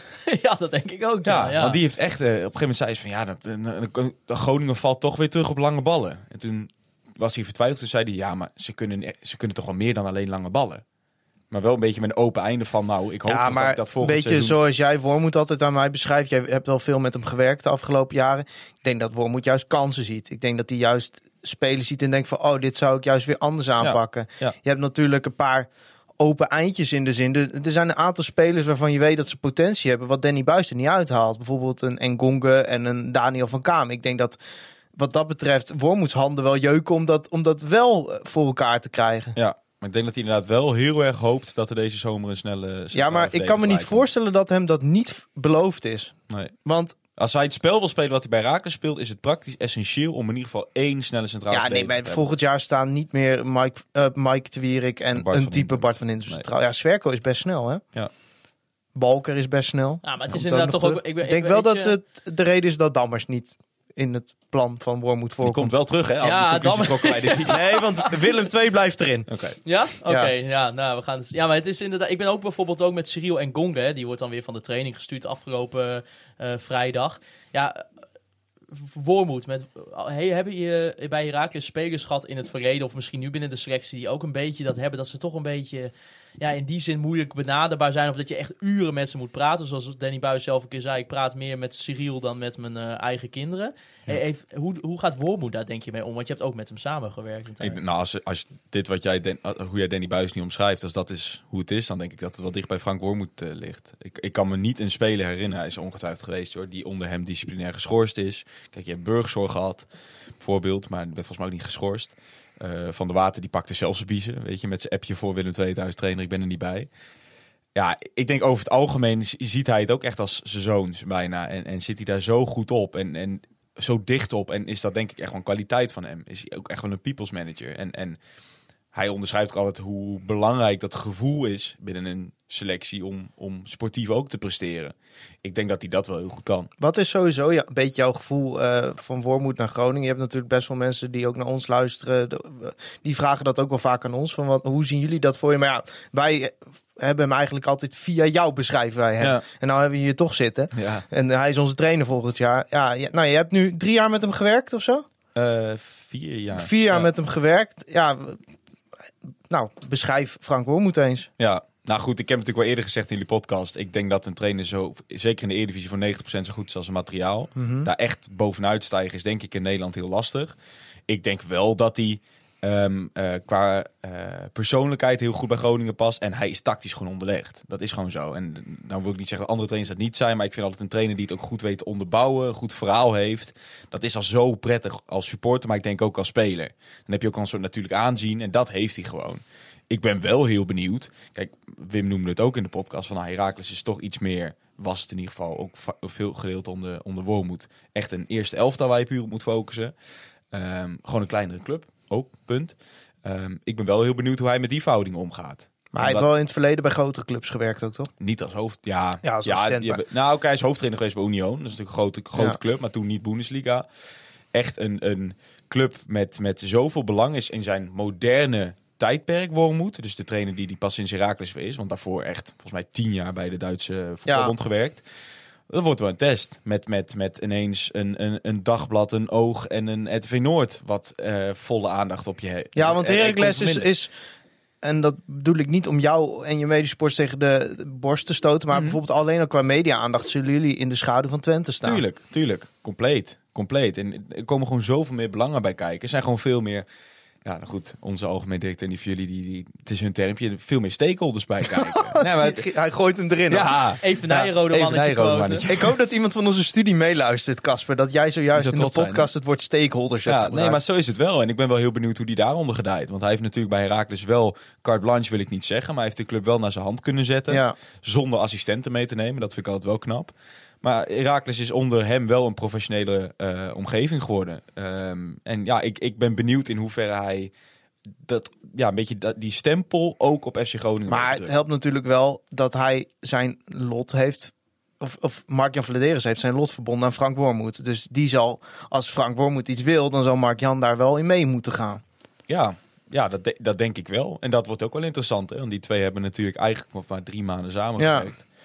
Ik ben benieuwd of dat... Wij eh, kunnen wel altijd op jou terugvallen als wij weer nieuwe mensen aanstellen. Want Vladeris konden we dat ook al. Ja. Verbaast het je eh, hoe Vladeris zich af en toe verhoudt, laat ik het zo zeggen, eh, de laatste tijd?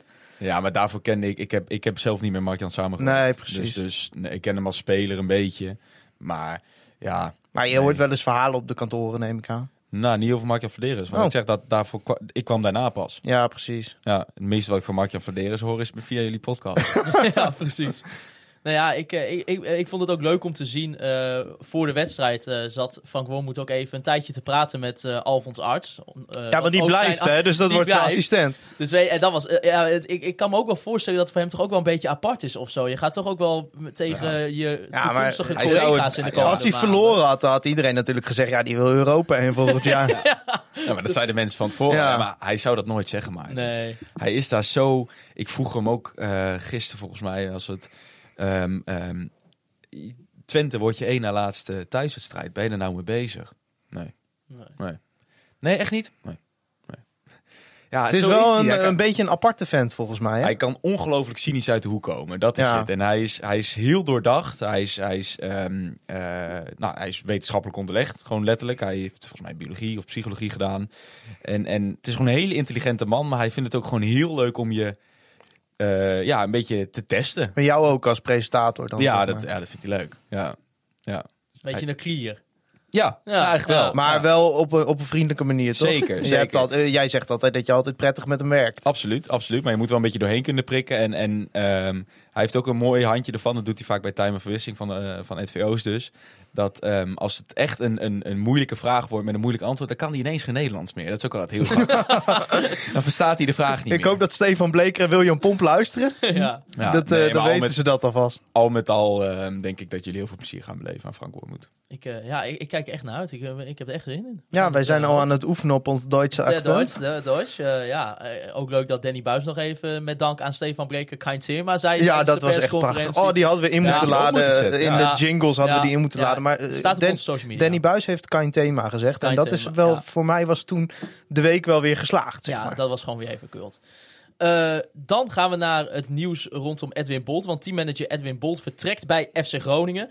Hij was sinds eh, 2004 in eh, verschillende functies verbonden eh, aan de club. Waarvan de laatste vijf jaar als eh, teammanager van het eerste elftal. Bij RTV Noord zei Edwin Bolt: de verhoudingen waren een beetje verstoord. Verder zijn er ontwikkelingen gaande waar ik me niet helemaal aan kan conformeren. Er speelt intern een aantal dingen. Er spelen intern een aantal dingen waar ik moeite mee heb. En eh, daar zijn we met elkaar over in gesprek aangegaan. En eh, nou, uiteindelijk is dit de uitkomst geworden. En hij vindt het vooral eigenlijk heel erg jammer dat het eh, voor hem ophoudt bij FC Groningen. Wouter Gudde die gaf een statement via de website. Die zegt: Edwin heeft in de afgelopen periode meermaals aangegeven te twijfelen over het voorzetten van zijn functie.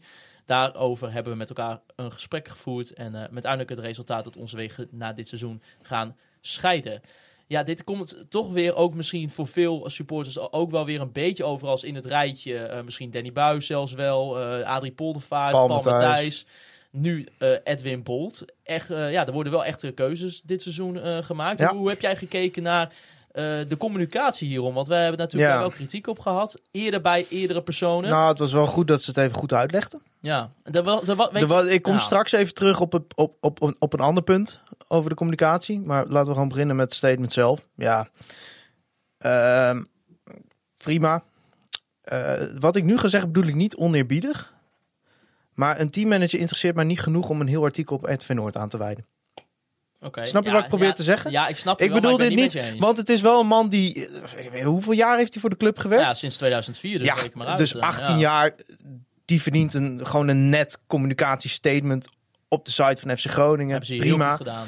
Eh, ja, ik, ik vind wel een beetje, want ik denk dat eh, Stefan in dit geval, Stefan Bleker, hem heeft benaderd voor dit verhaal.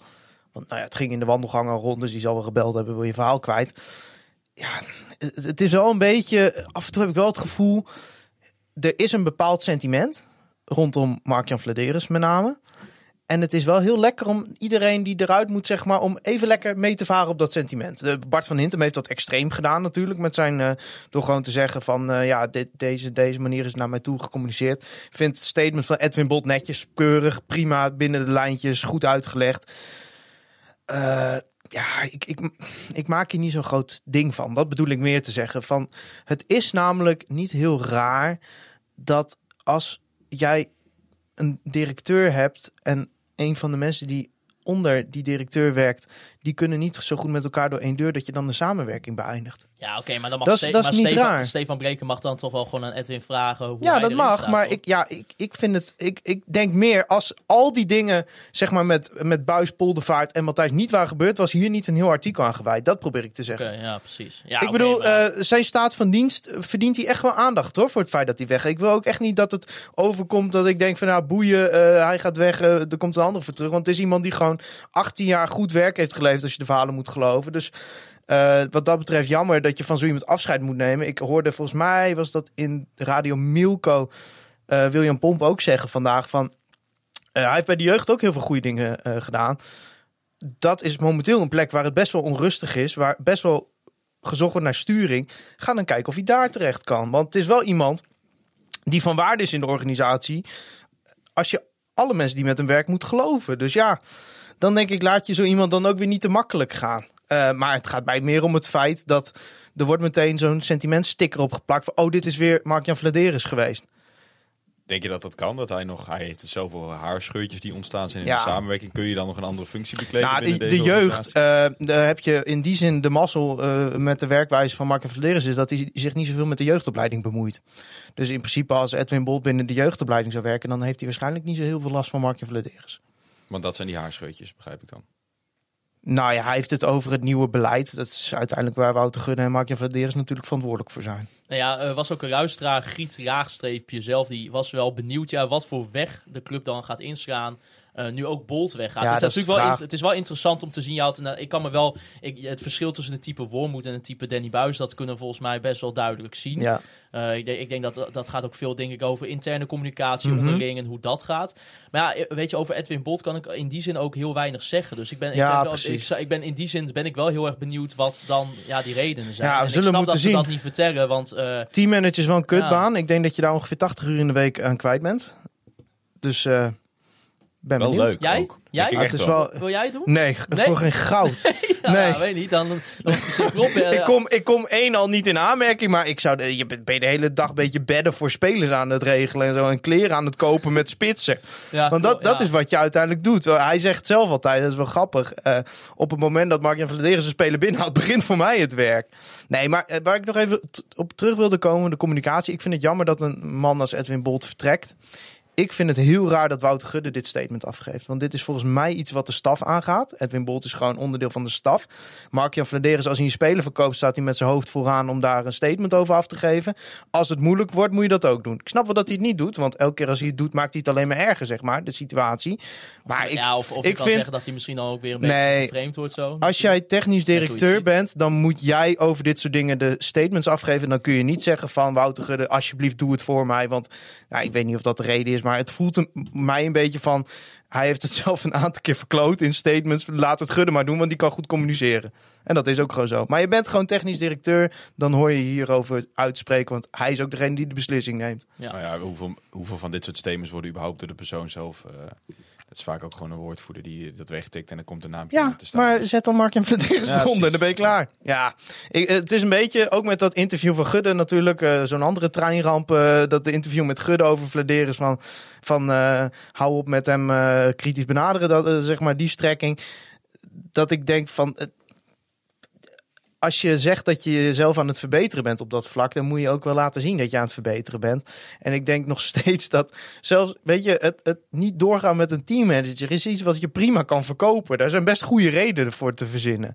Gewoon als je zegt, we komen een interne verschil van mening, nou ben je er toch? En dat kan toch Mark-Jan Vladeris ook gewoon zeggen? Ja, Ja, ik- maar dat is natuurlijk een opeenstapeling, denk ik. Kijk, ik ben een buitenstaander, maar de, het verhaal van eh, de samenwerking werkt niet goed, daar kun je één keer verkopen. Maar als je dat in een seizoen drie, vier keer verkoopt, dan gaan mensen ook wat Ja. twijfelen aan. En nu zegt hij niks en dan zitten wij hier en zeggen, waarom zegt Mark-Jan hier niks over? Dan gaan mensen ook gissen. Dus ja, je- je- zoals Gudde in dat geweldige interview in Dagblad zei, je kan het ook niet altijd goed doen. Eh, maar ja, ja ik, ik, ik lees dat dan en dan denk ik, ja, hij is hier eindverantwoordelijk voor. Als hij Bjorn Meijer voor 6 miljoen verkoopt, staat hij met zijn trotse kop bij VI vooraan om erover te vertellen. Dan moet je bij de moeilijke beslissingen daar ook gewoon over kunnen communiceren. Nou, heerlijk bruggetje wat je maakt. Want eh, er was wel wat transfernieuws rondom FC Groningen. In Over bruggen gesproken. zijn. Ja, Nou, heerlijk. We komen niet meer bij. Nee, geweldig. Hij blijft op die tafel tikken trouwens. Hè? Dat is... Ja, Ja, heel veel achtergrondgeluid voor de mensen. ja. Sorry, 6 Maarten. miljoen euro. Ja. Geld. dat dat, ja. Dat is een goede som geld. Ja, Nou, het is, het is 5.750.000 hè?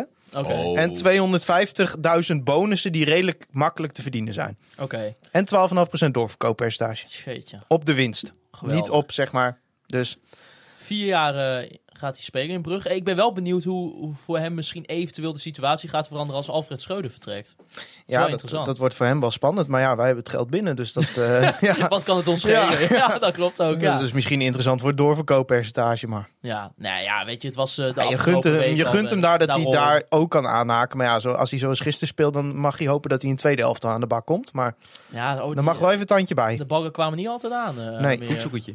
Ja. ja, behalve het voetzoekertje inderdaad. ja, dan ja. Ah, die was er maar ingevlogen. Dan had ik nu niet kritisch kunnen zijn. Nee, nee. Maar eh, ja, weet je, inderdaad gewoon leuk voor hem. Ik vond het, eh, het was voor hem natuurlijk ook wel lastig in die zin dat hij er in eerste instantie weinig over kon zeggen. Eh, toen al die haat kreeg op social media Mhm. van een aantal personen.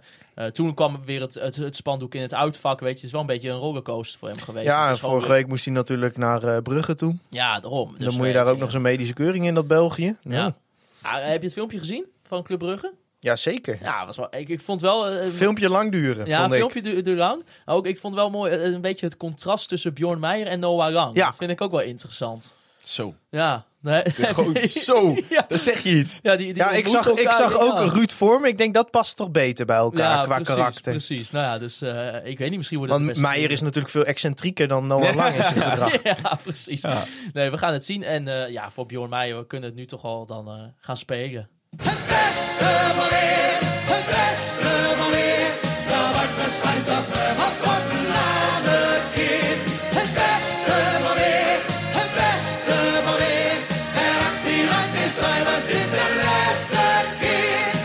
Ja, en eh, behalve, ja, je zat wel mee te zwaaien, Casper Heren. Ja, via ja. Buze. Via niet altijd goed. de podcast. Ja. Onder welk knopje van de rode kassen zit die? Want dan weet ik dat voor de volgende keer. als Ja, het, weer, eh, het, het oranje knopje bij ons. Ja, nee, dan kan je daarop drukken. Komt via Buze komt eh, altijd langs. Maar joh, ik mag één ding over nog over, over Meijer. hè. Dat is toch...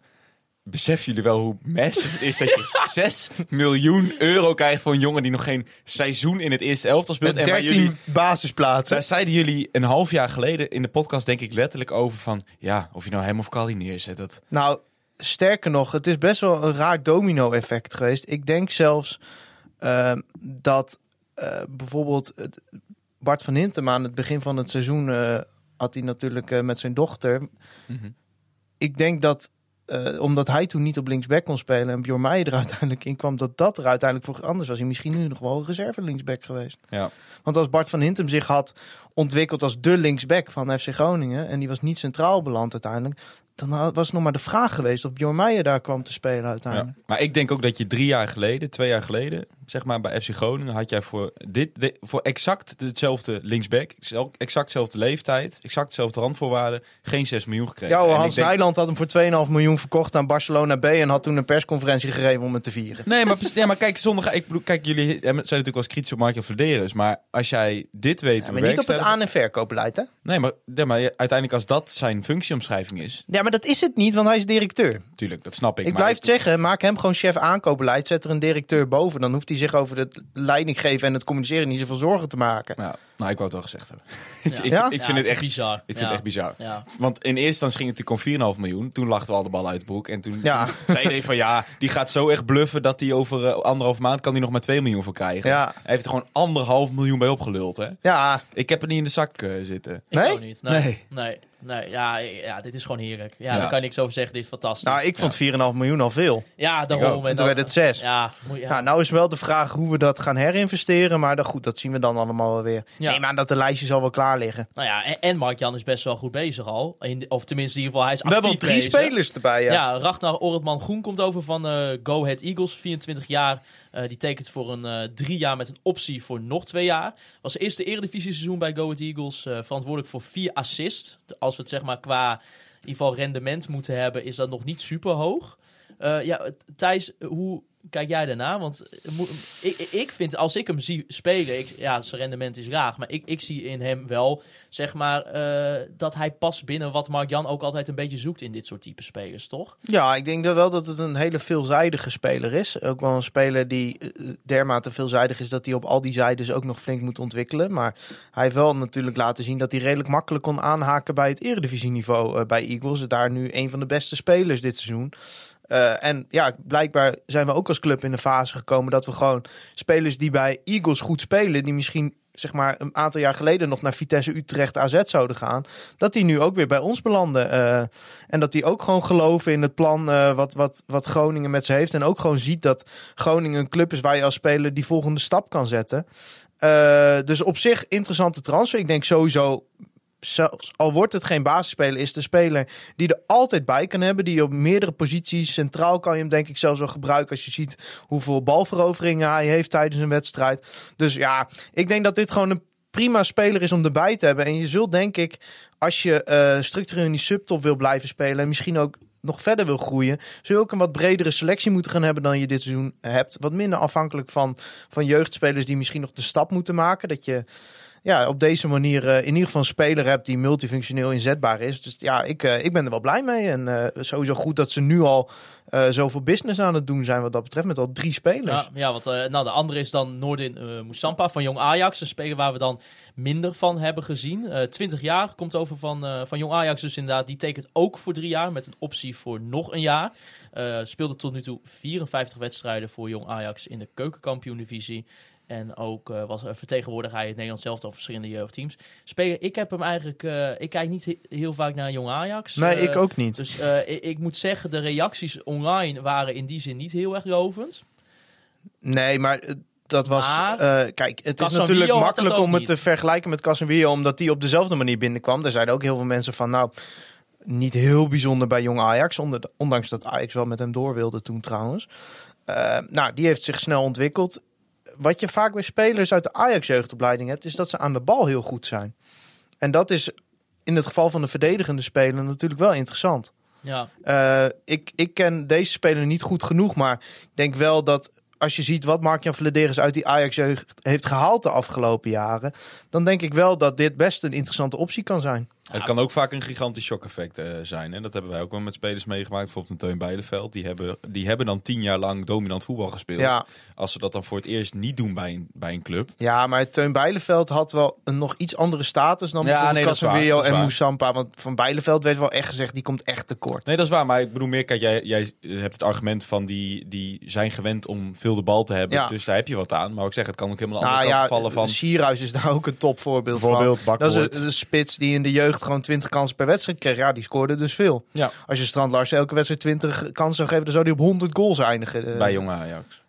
Ja, of bij Groningen. Als Groningen 20 kansen Ja, per nee, wedstrijd. precies, we mogen ja. tegenwoordig al blij zijn met één. Maar eh, ja plus je had ook nog wel gewoon een eh, linksbenige centrale verdediger nodig. Met natuurlijk Bart van Hintem die vertrekt. Eh, Radinho Balker, eh, die is rechtsbenig. Dus je had, je had sowieso nog wel wat Ja. nodig. Dus, eh, en ja, net zoals ik eh, ook al zei bij Casemiro, eh, spraken we ook met iemand hier van eh, die, die wekelijks naar Jong Ajax kijken. Die zei ook van ja, ik verwacht niet per se dat Casemiro eh, binnen nu en een half jaar zeg maar structureel ja. echt een van de sterkere spelers is bij FC Groningen. ja, en die staat nu Ja. bij elke Europese topclub op het lijstje Dus, als eh, interessante speler. Dus ja, zo snel kan het ook wel gaan. Dus eh, ja, ik ben benieuwd eh, wat voor plan ze met hem hebben. Maar Ja. ik denk wel dat, dat Groningen de laatste jaren eh, de status heeft gekregen dat ze met dit soort spelers gewoon heel veel kunnen. Ja, daarom. Dus eh, ja, interessant gewoon. En, en als laatste, ik had hier nog staan in het script. De verwachting is dat Joey Pelupessi naar FC Groningen komt. Nou, het werd vandaag bevestigd. ja. Daarom, dus eh, ook geen onbekende van jou natuurlijk, eh, Casper Joey Nee, is echt, Pelupessi. jij bent hier perfect Ja. op je plek vandaag. Geweldig. Hij, zijn laatste club was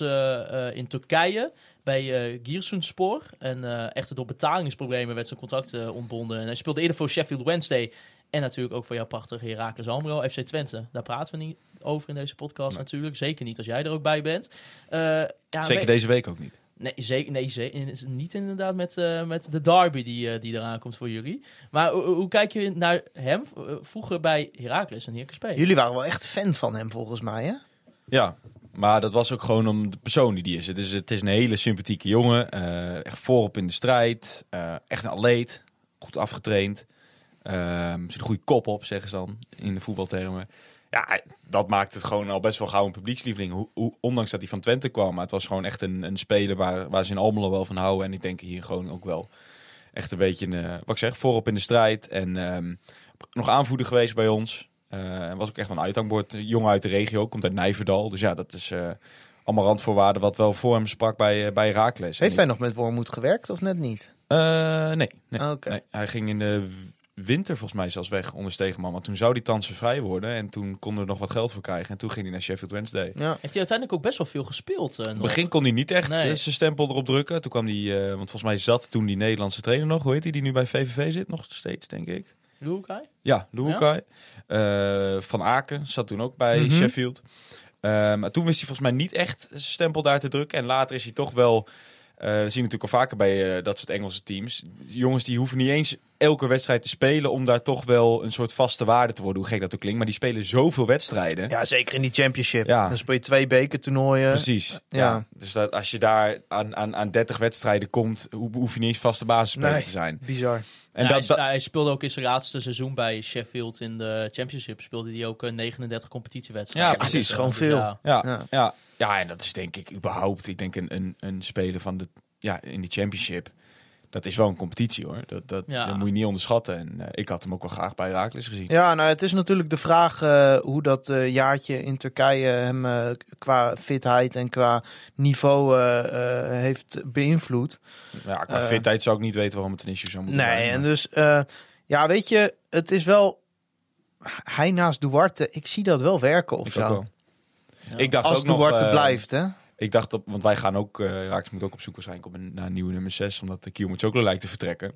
Dus dan had ik in onze podcast een beetje bord op schoot scouting gedaan. Toen kwam ik dus inderdaad ook uit bij Joey Pelipessi, omdat hij op dat moment net ontbonden, eh, zijn contract had Ja, ze ontbonden. wilde, Groningen wilde hem deze winter al hebben. Ja, dat, eh, dat begreep ik, ja. Dus eh, ja, dat is toen uiteindelijk niet gebeurd. Ook omdat ze volgens mij zoiets hadden van... nou ja, we hebben nu met Matuta en Bogarde erbij zoveel middenvelders. We weten niet wat we er nog mee aan moeten als we Nee. nog een middenvelder erbij. Maar ja, richting volgend seizoen ja, lag het dus al wel in de lijn de verwachting... dat ze gewoon terug zouden komen voor Pelopessi. Ja. En eh, ja, nu kun je, als je zo'n speler transfervrij kunt overnemen... het zijn wel de soort spelers waarvan je vaak zegt... ja, die zijn eigenlijk voor Groningen al te duur. Want dat is 28 jaar eigenlijk op het toppen van hun kunnen qua, eh, qua leeftijd. Ja. Dat zijn meestal de duurste spelers. Ja, als je die dan gratis kan, eh, kan ophalen, ja, dan snap ik wel dat je dat doet. Ik dacht, Hij heeft ook samen met Flederis gespeeld, toch? Ja. Dat wel. ik dacht qua type, dacht ik ook nog wel even, die noemde ik toen ook in onze podcast, dat Michael Kieftebelt ook nog een Ja. optie zou zijn. Ja, maar daar, zit je, daar, daar, daar spreek je mij wel recht op mijn hart aan. Dat was goed. een van mijn favoriete spelers. natuurlijk Ondanks dat hij tweede echt niveau, niet kon eh, voetballen trouwens. Tweede niveau Engeland, verdedigende middenvelden, ervaring. Zit, hoe, heet, hoe, noemt die, hoe noemt Flederis die categorie? Dat is wel één categorie die altijd wel hebben, ervaring. Eh, hij wil een mix tussen ervaring en talent. Ja, nou goed. Dat, dat had Kieftebelt ook kunnen zijn, denk ik. En wel Ja. iets, iets ouder, hè? Weet Ja, je, de eminence grise zou die dan worden van dit elftal. Mooi. Even Mooi. kijken, ik zoek even op hoe, eh, hoe oud Kief de Belt is. Ja, dan laat ik ondertussen de term eminence grise nog Even- even even- Nee, landen. ja, ja. hij is wel wat ouder in dat. Ja, eh, Mike- 32 denk Michael is 31. ja. 31, Wordt ja. erbij, Dat is wordt- wel beste wordt vrienden met Michael de 32. Leeuw trouwens. Dus, eh, Nou, dat had, nou. had 1 in 1 dus 2 kunnen zijn. Ja, en weet je, zoals uh, Flederis ook wel zegt, en ik denk ook wel dat het een beetje ontbreekt in deze selectie. We hebben natuurlijk op, eh, op papier qua leeftijd hebben we eh, spelers met, met ervaring. Zij Flederis dat ja? ja, Oh, maar- dat ontkennen die een jaar geleden nog. Is maar, bijzonder. eh, ja, maar wat het vooral eh, was, is dat hij zegt van ja, in zowel eh, in buiten als binnen het veld is Pelopessi wel een persoonlijkheid die ook jongens durft aan te spreken. En je hebt wel eens via via gehoord dat jongens als Bart van Hintem en Mike Tiewerik dat niet genoeg doen. Nee, dat, zegt Buis toch ook. Dat, eh, dat zijn geen natuurlijke leiders. Nee, dus ja, in die zin eh, past hij wel natuurlijk daarom ook in een beetje wat je wil. Nou, als, voor je eh, het weet ben je bij Groningen aanvoerder hoor. Dus, ja, eh, dus, dat, eh, dat zou zo. Dat zou zou me niks verbazen dat Nee. Pelopessi gewoon onze aanvoerder wordt. Je weet het niet. Dus eh, nou ja, ik, ik, ik ben ook enthousiast. Ik heb er zin in. En, eh, nou, dat, dat belooft wel wat voor deze transferzomer. Ja, Voor je dat weet met al die interesse in Duarte en Casemiro en Strand Larsen eh, verkoop je er weer vijf. ja, ja, nee, daarom. Het, eh, het, wordt spannend ook. Ja, bij Meijer ben je ook kwijt. Hij Nou, is er wel vroeg bij, hè? Ik vraag me altijd nog of dat een, iets uitmaakt. Ho- Hoe vroeg welke je zin? nou, Wormoed zei toch letterlijk Groningen was de eerste, dus daar ben ik heen gegaan. Ja, ja, ook. Nee, maar ik bedoel, ik bedoel qua spelers. Ik heb altijd wat idee dat, ehm, dat, dat het moment waarop jij een speler haalt uitmaakt. Je ziet natuurlijk vaak, zeker richting de laatste week van zo'n transfermarkt, eh, gaat het meeste gebeuren. Omdat mensen toch wel bijvoorbeeld alleen op begroting technisch hebben ingecalculeerd van we gaan hem nog verkopen. Dus op een gegeven moment moet je. Je bent natuurlijk heel lang dat spel aan het spelen, voor welke prijs. Dan vind ik het opvallend dat je al drie van je versterkingen presenteert zo vroeg. Kijk, Pelopessi transfervrij. Ehm, maar ik, zijn die, de jongens van de jong van Ajax is voor betaald? Of was hij ook transfervrij? Nou, dat, dat zal niet veel zijn geweest als het überhaupt al iets geweest is. Nee. Maar bijvoorbeeld, Oh, ik weet dat niet. Ik Kijk jou aan, Nee, ik weet presentator. het ook niet. maar bijvoorbeeld Orad Mangoen is wel voor betaald, Ja, is volgens mij. wel die, voor eh, betaald, denk ik. Nou, Ja, ja. dik weet ik niet, maar nou, die had nog een contract tot, dat zie ik hier, 2003, nou, een jaar nog. een jaar. Nee. Nee, want ik, ja, ik vind dat niet een speler waar je dan echt veel geld aan Wat is uitgeeft. ook weer de bijnaam van Bart van Hintem? eh, The Wizard of Oz. ja, ja. nee, daar heb je nu een directe vervanger Hij, eh, ja, nee. komt hij ook uit Os? ja, Orad Mangoen. zeker. Ja, Moussapa Ah. is trouwens eh, even transfervrij, inderdaad. Oké, Ja. Ah. Oké, nou goed, dat verklaart dan al de tijdstip. Maar ik vind bijvoorbeeld een, een Eigenlijk als je el- elk jaar Ja. wil voorspellen welke speler Groningen gaat halen, dan moet je gewoon kijken wie bij Jong Ajax zijn contract afloopt. Zullen Jan Sana ook nog wel gaan halen? Denk je ook niet? Die loopt ook af. Ja, nou ja, ja ik, ik denk in die zin, eh, misschien heeft Flederis wel een beetje geleerd dat hij denkt van, het zal wel fijn zijn als ik in ieder geval deze spelers die hè, transfervrij, dat ik die alvast binnen kan halen, weet je wel. Dat je die wel aan het begin van het seizoen al hebt. en We dat hebben volgens mij met die terugkomende weken- huurlingen wel echt op papier 28 spelers op dit ja, en, moment. eh, nou, Wessel Dammers komt terug, Sam Schrek Ja, die had ik daar dus al in meegenomen. Ja, ja, ja. Sibora komt nog. Wessel. Sibora, die wil jij dat Groningen die haalt. Hè? dat, dat past toch volledig in het plaatje. Ja, die heeft een Heracles gehaald. Die is onder Wormoed goed geworden en die loopt nu op een doodspoor. En Groningen zoekt een linksback. Nou, Eén en één. Eén. en Lennart één. Sibora naar FC Groningen, schrijf maar op. we gaan het eh, hopen, denk ik dan. Hè? Ik heb geen idee of hij nog een Ik beetje weet niet of hij nog kan is, maar- voetballen. Nee. Handwerker loopt ook af, hè? Tim Handwerker. Ja, nou ja, daar kunnen we wel lachen. Maar ik, ik vergeet nooit meer die assist door Michael Breij in de uitwedstrijd tegen Ja, Graafschap. hij heeft toen in die bekerwedstrijd tegen Twente, toen Twente in de KKD speelde, daar heb ik hem zo slecht zien spelen. Hij heeft het nooit meer goed gemaakt voor mij. Terwijl hij was helemaal niet zo slecht. Hij was een FIFA goed. Handwerker. Ja, hij, hij is heel snel. Hij is op voetbalmanager ook heel Ja. erg goed. Wel een van de meest gênante announcements. Die FC gedaan. Ja, want toen werd er een foto eerst gepost met dat Tim Handwerker een, een handwerker aan het maken was. Zo. Ja, Dat is net als we toch ook weer met Strieder heeft Pek Zwolle dat ook een keer gedaan. Ja, die, maar die hadden, iets met, eh, zo? die hadden iets met een, met een baguette volgens mij, met een stokbrood. ja, of, ja, of zoiets, ja. Ja. ja. Ja. ja, ja, je moet soms een beetje in een creatieve bui denk je, dit is heel leuk. En waarschijnlijk op het moment dat je het online gooit, denk je, ja, dit was niet het beste. En als er echt Ja, geen creativiteit meer is, dan zet ze hem op een trekker neer en dan langs het trainingsveld. En dat Of- doe je dan twee keer. Precies, Ja, ja. precies. Met uh, Azomatusiwa en Benstof. Ja, was ook wel weer cult of zo. Ik Benstof, weet niet. het, ma- het mag wel weer een keertje grappig Wat was het moment van de week eigenlijk? Nou, en daar gaan we nu. Daar wou ik nog heen gaan. Dus oh ja, gaan ik we wou nu, eh, zeggen, ik zat te denken, ik ben zo vijf kwartier bezig. Ik heb mijn moment van de week nog helemaal niet nee, gehad. Thijs, gaan we heen. Het Online Retail Company Moment van de Week.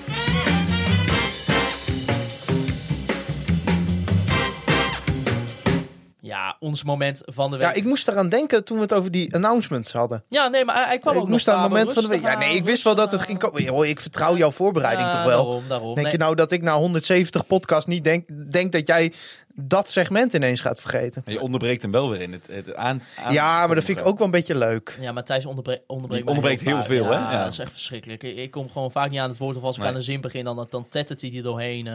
Dat Nou deed hij bij Wim ook trouwens, was ook leuk. ja, ja? Ja, ja. ja. ja, Hij komt de volgende keer wel weer niet.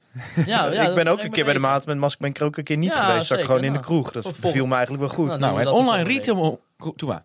Ja, dat klopt wel goed, hè? Ja, dat klopt wel heel goed. Het online retail company, moment van de week. Ja, want in ons Online Retail Company Moment van de Week bespreken wij ons Moment van de Week gesponsord door onze grote vrienden van de Online Retail Company. Thijs, eh, geldt die code eigenlijk nog? Ja, je, je vraagt het elke week, maar dat is een retorische vraag. Ja. Ja, tuurlijk geldt de kortingscode nog. 15% korting op het hele 15%, assortiment. Hatsiki disco. disco. En het, eh, ja, het is weer prachtig weer. Jij wil lekker in een zwembad zitten op dit moment. Hopsakee, 15, Koningsdag komt eraan. 15% Ach. korting erop. Ja, ik weet niet of je hem al op tijd voor Koningsdag hebt. Dus dat, eh, dat zeg ik niet bij. Maar bevrijdingsdag wil je ook gewoon lekker even in dat zwembadje zitten. Hè, want je moet tegenwoordig voor het festival betalen in Groningen. Dus Ja. dan, dan maar in de eigen tuin. Hoppakee, zwembadje, online retail company. Even naar zwembadstore.com. Code KVM bij het afrekenen. Ja, 15% eraf, ja. Ja, en het eh, moment van de week was toch het, eh, het afscheid van Sergio Pat. En dat Sergio Pat eh, bij de jongens van de Noordtribune ging staan. Op, op onze tribune normaal gesproken. Dat, terwijl daar wij er deze keer niet waren. Ik zag nog een filmpje op, op TikTok. Waar hij met een megafoon in zijn hand Ja. ook een chant stond in Ja, te zetten. ja, dat vond ik ja. ook wel tof. Weet je, het is gewoon super cult. En ik, ik moet ook zeggen, toen, dan zie je hem toch dat veld oplopen. En dan denk je toch, jeetje. Weet je, hij dronk wel eens een gin tonic. Eh, Ja, We ja. hebben het moment met de trein gehad. Timing weer niet lekker trouwens, hè? Wat? Ja, je vergeet hem gewoon. Want Nou- die wedstrijd begon toch? Zag ik dat nou? Nou- dat was toch zo? Hij kwam met die ereron en... en nee, nee, de timing was dit keer wel goed. Want Oh. ze hebben hem een keer niet drie kwartier voor de wedstrijd... eh, terwijl het halve stadion nog leeg is, eh, het veld opgestuurd. Nee, Antoine van der Linden die stond tegen tien mensen aan te praten. Maar voor Ja. de rest eh, was het... Ik kijk inderdaad... eh, Want we Ah, het hebben- enige wat ik bij Sergio Pad was, dacht ik trek mijn keepershirt aan. ik zat natuurlijk nog met Heerenveen uit in mijn hoofd. Ja. Maar nee, het was dit in die zin wel beter dat we een keer... Dat de aandacht werd geschonken Want aan Leeuwenburg is niet zo goed eh, als Pad, hè? Dat dat bedachten we ineens weer. Nee, maar het is wel zo leuk dat er eens aandacht wordt geschonken aan een, eh, aan een speler. En dat dat een keer gebeurt. Terwijl niet eh Damiel Dankelaar een bal zit over te spelen naar Cyril en Gonga Nee. bijvoorbeeld. Eh, weet je, zoals dat bijvoorbeeld met Levchenko nog recent gebeurde. Dan gaat het over zo'n serieus Ja. onderwerp als Oekraïne. Ik vond wel, de beste man heeft 259 wedstrijden voor FC Groningen gespeeld. Sinds 2014 kwam hij. Ja.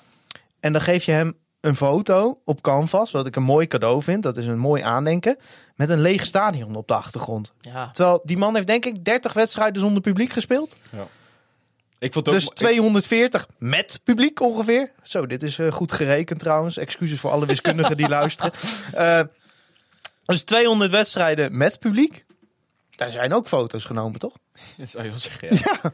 Ik, vond, ik vond het ook wel mooi. Ik vond er waren twee mensen in, in de Euroborg met een felrood t-shirt. Dat was jullie huidige keeper en jullie vorige keeper. ja, ja. Ja, kon je ook elke keer mooi in één shot zien. Hè? Als Leeuwburg in beeld kwam, dan zag je op de achtergrond zag je, zag je Sergio zo in, de, in het rood Ja. op Noord staan. Ja, Sergio heeft nog een fles Berenburg te, cadeau gekregen in het supporterzone. Dat is Ja. ongetwijfeld weer een heerlijke En toen wij naar buiten liepen eh, uit de skybox, had hij een eh, doorzichtige substantie, waarschijnlijk gin tonic in zijn glas zitten. Dus ja, als je kampioen van Bulgarije bent geworden, mag dat ook. Dat ook nog eens, hè? Jongen, wat een feest. Ik ben wel... shirt van dingen trouwens wel mooi, van Ja, is goed keepershirt. Ja, Mooi. ja, goed keepershirt. Kan ik niks over zeggen, inderdaad. Ja, maar inderdaad, ja, misschien wel een andere foto gedaan. Toch? Ja, maar goed. Hè, het, het is de, de, de timing van de ereronde is nu goed. Daarom. De volgende keer doen we een goede foto erbij. Ja, nou, het wordt groter, zou ik willen zeggen. Eh Thijs, eh, na deze verschrikkelijke wedstrijd eh, tegen Heracles Almelo... Oh, we moeten ook nog voorbeschouwen. Dat zondag. vreselijke RKC uit op zondag om 8 uur. Wij gaan inderdaad zondagavond om 8 uur staan wij in het pittoreske Waalwijk. Mhm. Eindelijk gaan we naar het Mandenmakerstadion. Mhm. Ons gedroomde stadion, de fietsenstalling. Het wordt ongelooflijk kult.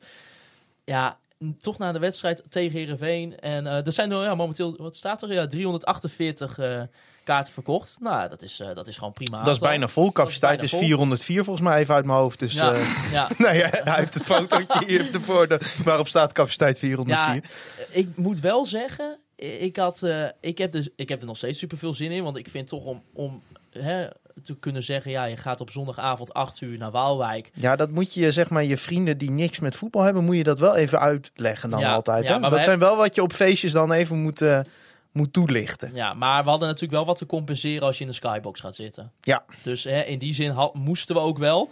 Eh, ja, momenteel staan ze vijftiende. Eén punt eh, boven de nummer 16 en 17. Momenteel PEC Zwolle en eh, Willem II. En drie punten boven Sparta Rotterdam. Dit weekend werd er nog in eigen huis verloren van PEC Zwolle met 0-2. Een pijnlijke nederlaag dus voor de Waalwijkers. Maar ja, zoals je eerder in deze podcast zei Thijs. Ze moeten... Ja, en laten we nou... eh, ik, ik, ja, ik, ben, ik merk dat ik een beetje onzeker word als ik... eh, Dit wordt een ongelofelijke kutwedstrijd. ja. ja, Ja. jeetje, Ja. ja. Ja, wat, ja, weet je, kijk, ESPN die hebben eh, natuurlijk dat zondagavond 8 uur bedacht, zodat er een extra uitzendmoment is. Zodat de neutrale kijker, die heeft dan het hele weekend, hè, wat komt er deze week wel niet? eh Heracles tegen Twente komt. Volgens mij is er nog een, een derby, eh Heerenveen Cambuur namelijk op zondag. Kwart over twaalf. En dan eh, denk je als neutrale toeschouwer, nou, gaan er eens even voor zitten. Zondagavond 8 uur, RKC Groningen. Een lekker toetje. Ja, heerlijk. Nou, dit wordt een verschrikkelijke wedstrijd. En dat wordt echt. eh, Groningen krijgt het initiatief. RKC bouwt het centrum dicht. Groningen geeft lange ballen. Die worden weggekopt door de centrale verdedigers van RKC. En Michiel Kramer maakt 1-0 in de 85 Odgaard e is minuut. geblesseerd, of niet? is Ja, die viel geblesseerd uit. Dat kan nog wel eens helpen. Maar ja, Michiel Kramer maakte 1-0 in de 85 e minuut. Ja, Daar heb je ja. trauma's aan, hè? Een 1-0 van eh Michiel Kramer. Is dat zo? Was toch eerder dit seizoen in de Euroborg ook? Nee, toen werd het nog 1-1. Toen Ja, maakte maar toen Kramer scoorde wel hij. de 1-0, ja. Ja, Ja, ja. Toen werd het nog 1-1. Ja, ja ik, eh, ik, ja, Nee, ik maak me hier echt ernstig ja, ik zorgen heb er over. zo'n ongelooflijk veel zin in. Ik, Ja, is dat zo? Ik ben ik heb in de dag wel zin, maar in die wedstrijd niet. lekker, lekker even een uurtje of vier, lekker in Waalwijk zitten, biertje bij. Ik ben nog mag no- niet, hè? Ik ben nog Mag nooit- niet in Waalwijk. Ik, ik ben nog nooit in Waalwijk geweest. Ik Er is een binnenstadverbod voor uitsupporters, Oh, dus eh, die geldt altijd, zoals je weet. Ja, en eh, ja, dit, dit is wel hopelijk, want ja, in die zin, eh, we weten niet of ze er volgend jaar in zitten. Dus deze moeten we nog even Nou, als we daar verliezen, dan eh, zitten ze er zo goed als zeker bijna weer in, hoor. 0-1, Ja, dus, eh, nou ja, wat Thijs, wat wordt er dan? Michiel Kramer, 85e minuut. De 1-0 dus, niet 0-1. 1-0, 85e minuut, Michiel Kramer. Kasper Rijmakers, eh, jij moet ook even een voorspelling doen, want dat is even belangrijk voor ons eh luisteraar Rutger Ottens. Wat wordt eh, RKC Waalwijk FC Groningen? 0-2. 0-2, Ja. klasse. Goals? Is, eh, Cyril Ngonge tegen zijn oude club. Mhm, Goeie. En ehm eh, poh, Bart van Hintem, die knalt een bal in de kruising, jongen. ja. En dan eh, trekt hij shirt omhoog en dan Thijs Faber. En dan doet hij zo eh, met een vingertje voor zijn mond. Want ik, ja, ik, ja, ik wil wel even Hij heeft nog zeggen... een ander mooi shirt die hij eronder kan doen met, met tekst erop. Hij liep inderdaad een keer in een shirt Mr. Big Dick. En dat had hij op zijn Instagram gezet. Dat moeten we even toelichten natuurlijk. Dat is een inside joke. Dat moet je dan even toelichten. Ja. Mensen weten niet van Big Dick Bart? Nou, hij, heeft, hij had inderdaad op zijn, op zijn vrijgezellenfeest een shirt met Mr. Big Dick aan. En, nou ja, dat is bij ons een inside joke. Maar het is altijd heel kut als je inside jokes moet uitleggen. Eh, maar eh, ja, nee, ik wil wel even zeggen, Bart van Hintem, hè, ik heb kritiek gegeven, maar hij speelt ook wel vaak best goed. Eh, en voor jou dit weekend, eh, Casper, is de derby dus tegen Twente. Ja. Sp- spannend? Of Oh, ik dacht, die moet ik ook gaan voorspellen. Nee, dat interesseert ons Nee, nee, in die zin... eh, Dat doe je maar op Toto of in dat eigen podcastje van je. ah, en, en ook in, in eigen huis. Geen uitsupporters natuurlijk nog, omdat eh Jullie Stadion nog wordt verstevigd momenteel. Nee, ja. ja, dat is wel kloten. Dat hoort wel een beetje bij, bij elke wedstrijd Ja, en zeker bij een derby. Dus Ja. ja, ja dat is jammer. Kon, kon nou eenmaal niet anders. Dat was eh altijd de club. eh, is opgelegd door de gemeente. Maar, Ja, precies. ja, ik heb er wel heel veel zin in. Dit is wel een beetje wedstrijd van het seizoen. Hè? En, ik denk, doet het wel goed, hè? Ja, Twente is gewoon een topclub dit, Ja. dit seizoen. Ik, vind het moeilijk om, om een strot uit te krijgen. Maar Hij heeft die het nu al hebben, die hebben al 18 keer gewonnen. Hè? Nou jongens, Maarten voorspelling. We hebben het te lang over Twente. Eh, ik ga voor een 0-1 eh, overwinning. Oh, ik, eh, nou ik hoop het. Ja, ja ik, eh, ik denk een eh, doelpuntje van... ehm ja, laten we eens een keer gek doen. Hij heeft al lang niet meer van afstand geschoten. Damiel Dankerui. Dat was Ja, een- dat zou ik hem wel heel erg gunnen. Hij had in zijn beginperiode bij FC Groningen was het dat er elke keer als een terugvangende bal eh, op de 16 kwam, was dat de Damiel Dankerui. Ja. Toen zaten we te grappen van, nou, wanneer schiet hij hem een keer in? Het is eigenlijk nooit gebeurd. En nu gaat het gebeuren. In Waalwijk, zondag 8 uur. Ja, ik ben er helemaal bij. Ik vind het helemaal goed. Ik Ja. denk het niet, maar ik hoop het wel. Ik, eh, nee, mensen gaan weer een verslag van ons krijgen in de podcast. eh, aanstaande dinsdag, eh, Ja. als wij gaan opnemen. Duurt hij met, weer anderhalf uur, die podcast. Daarom. Eh, Casper, jij bedankt voor je komst. Zeker. Hier in de, in de studio. Eh, Nog even deze week ook Zwart-Witte podcast. Die wordt eh, woensdag op Koningsdag opgenomen. Zo. Ik zie trouwens nog wel, als dat nog wel noemen, ik zie op de Twitter zie ik een tweetje van Bart van Hinten voorbij komen. Ik weet niet of jij hem ook voorbij zag komen. Nee. Het is misschien wel mooi om nog te noemen. Bart gaat eh, geld ophalen, zoveel mogelijk geld als mogelijk voor eh Villa Pardoes. Oké. Die eh, stichting van, eh, van de Efteling. Eh, heeft er natuurlijk zelf mee te maken gehad, noem Ja. het al even met zijn dochter. Dus als mensen allemaal naar de Twitter gaan van Bart van Hinten. Nee, we zetten het linkje wel even in de beschrijving. En ik zal, omdat ik hem zo bekritiseerd heb, eh, ook even een donatie doen zometeen. Ja, en anders Want is het, eh, er zijn altijd belangrijkere dingen dan hoe hij tegen Herakles speelt. En, Zo is het. hoe hij eh, zich eh, weer herpakt heeft dit seizoen. Alles wat hem is overkomen, Ja, dat joh. is wel gewoon te respecteren. Niets dan lof. Niets dan lof. Al- Ed Bart van Hintem. Of Ed Bart V. Hintem op Hey, het Twitter. staat gewoon in de show notes. Oh ja, kijk gewoon in Ja. de show notes. Ja. Eh, nou ja, jij bedankt dus, eh, Casper, voor je komst. Ja, bedankt Eh, dat ik mocht komen, was leuk. Ja, heerlijk. Natuurlijk altijd naar Herakles. eh, ja, dan ontkomen we er niet aan. Dan moeten we bij elkaar gaan zitten, denk ik. Dus, Als Os op Tenerife zit, dan... eh, ja, dan al helemaal. Ja, Ja, ik zou wel graag een keer winnen van Herakles. Dus eh, 1 op 9. Hè, ja, sinds wij hun kennen, ja. 1 op 9 gewonnen. Bizar. Ik Ja. zag ook nog Opta Johan had neergezet. Frank Wormoed won 18 Eredivisie points against FC Groningen. More than he won against any other team. en ik had vandaag nog de berekening in de trein. Die stuurde ik je nog. Over 18 gesproken. Meer dan 18% van ons puntenaantal van dit seizoen is tegen FC Groningen. Ja, Ja, dat ook nog eens eens. en die Nou, nodigen ook nooit meer uit. Nee. nee, Jullie kunnen Conforminder de podcast volgen via al onze social media kanalen. Eh, laat ook even een review achter via eh, Spotify, Apple Podcast bijvoorbeeld. En volg En luister ook via Podimo hè, tegenwoordig. Oh, nou, dat Daar krijgen ook. wij dus wel geld voor. Ja, Want eh, Spotify die betaalt ons helemaal niks voor eh, de streams. Eh, maar als je via Podimo luistert en je hebt daar een abonnement, dan krijgen wij wel geld. Ik denk niet dat we er rijk van gaan worden, maar eh, Nou, we zijn niet gevraagd om eh, exclusief de podcast Nee, en dat gaan we ook maken. niet Dat doen, gaan we dus, ook zeker niet doen. Er waren wel mensen die vroegen nog af, jongens, gaan jullie nou ja, ik moest mij ineens verdedigen ten opzichte van dat mensen. dus ja, niet nee, dat thuis? gaan, nou, voorlopig niet. Nee. Ja, of er moet echt heel veel geld tegenover staan. Dan ga ik met alle liefde achter die Deense betaalmuur. ja, maar ook daarop dus. Dat is een grapje volgen. trouwens. Kan, je ook, dit. Mensen kunnen mij niet zien. Ik zit te lachen. kan je ook een review achterlaten op Podimo, weet je dat? Ik heb geen idee. Ik vind het een vreselijke kut app. Maar goed, eh, nou, ja. Lekker via Spotify of Apple Podcasts Nee, want dan krijgen we dus geen geld. Oh, ja, jeetje, maar je maakt het wel moeilijk, Moeilijk, zo. Ja, dus... Maar als je geen abonnement op Podimo hebt, dan mag je gewoon via Spotify luisteren. Oké, nou helemaal goed. Eh, ik wil Andy Zuidema bedanken voor de foto's die wij elke week mogen gebruiken. De Online Retail Company en B-Trip voor de Online Retail Company moment van de week. Free Westerhof en Mark Pepping natuurlijk voor de intro en outro muziek. En als laatste wil ik jullie, de luisteraars, bedanken voor het luisteren naar Conforminder, de podcast. Juichen wij als het Groningen weer scoort.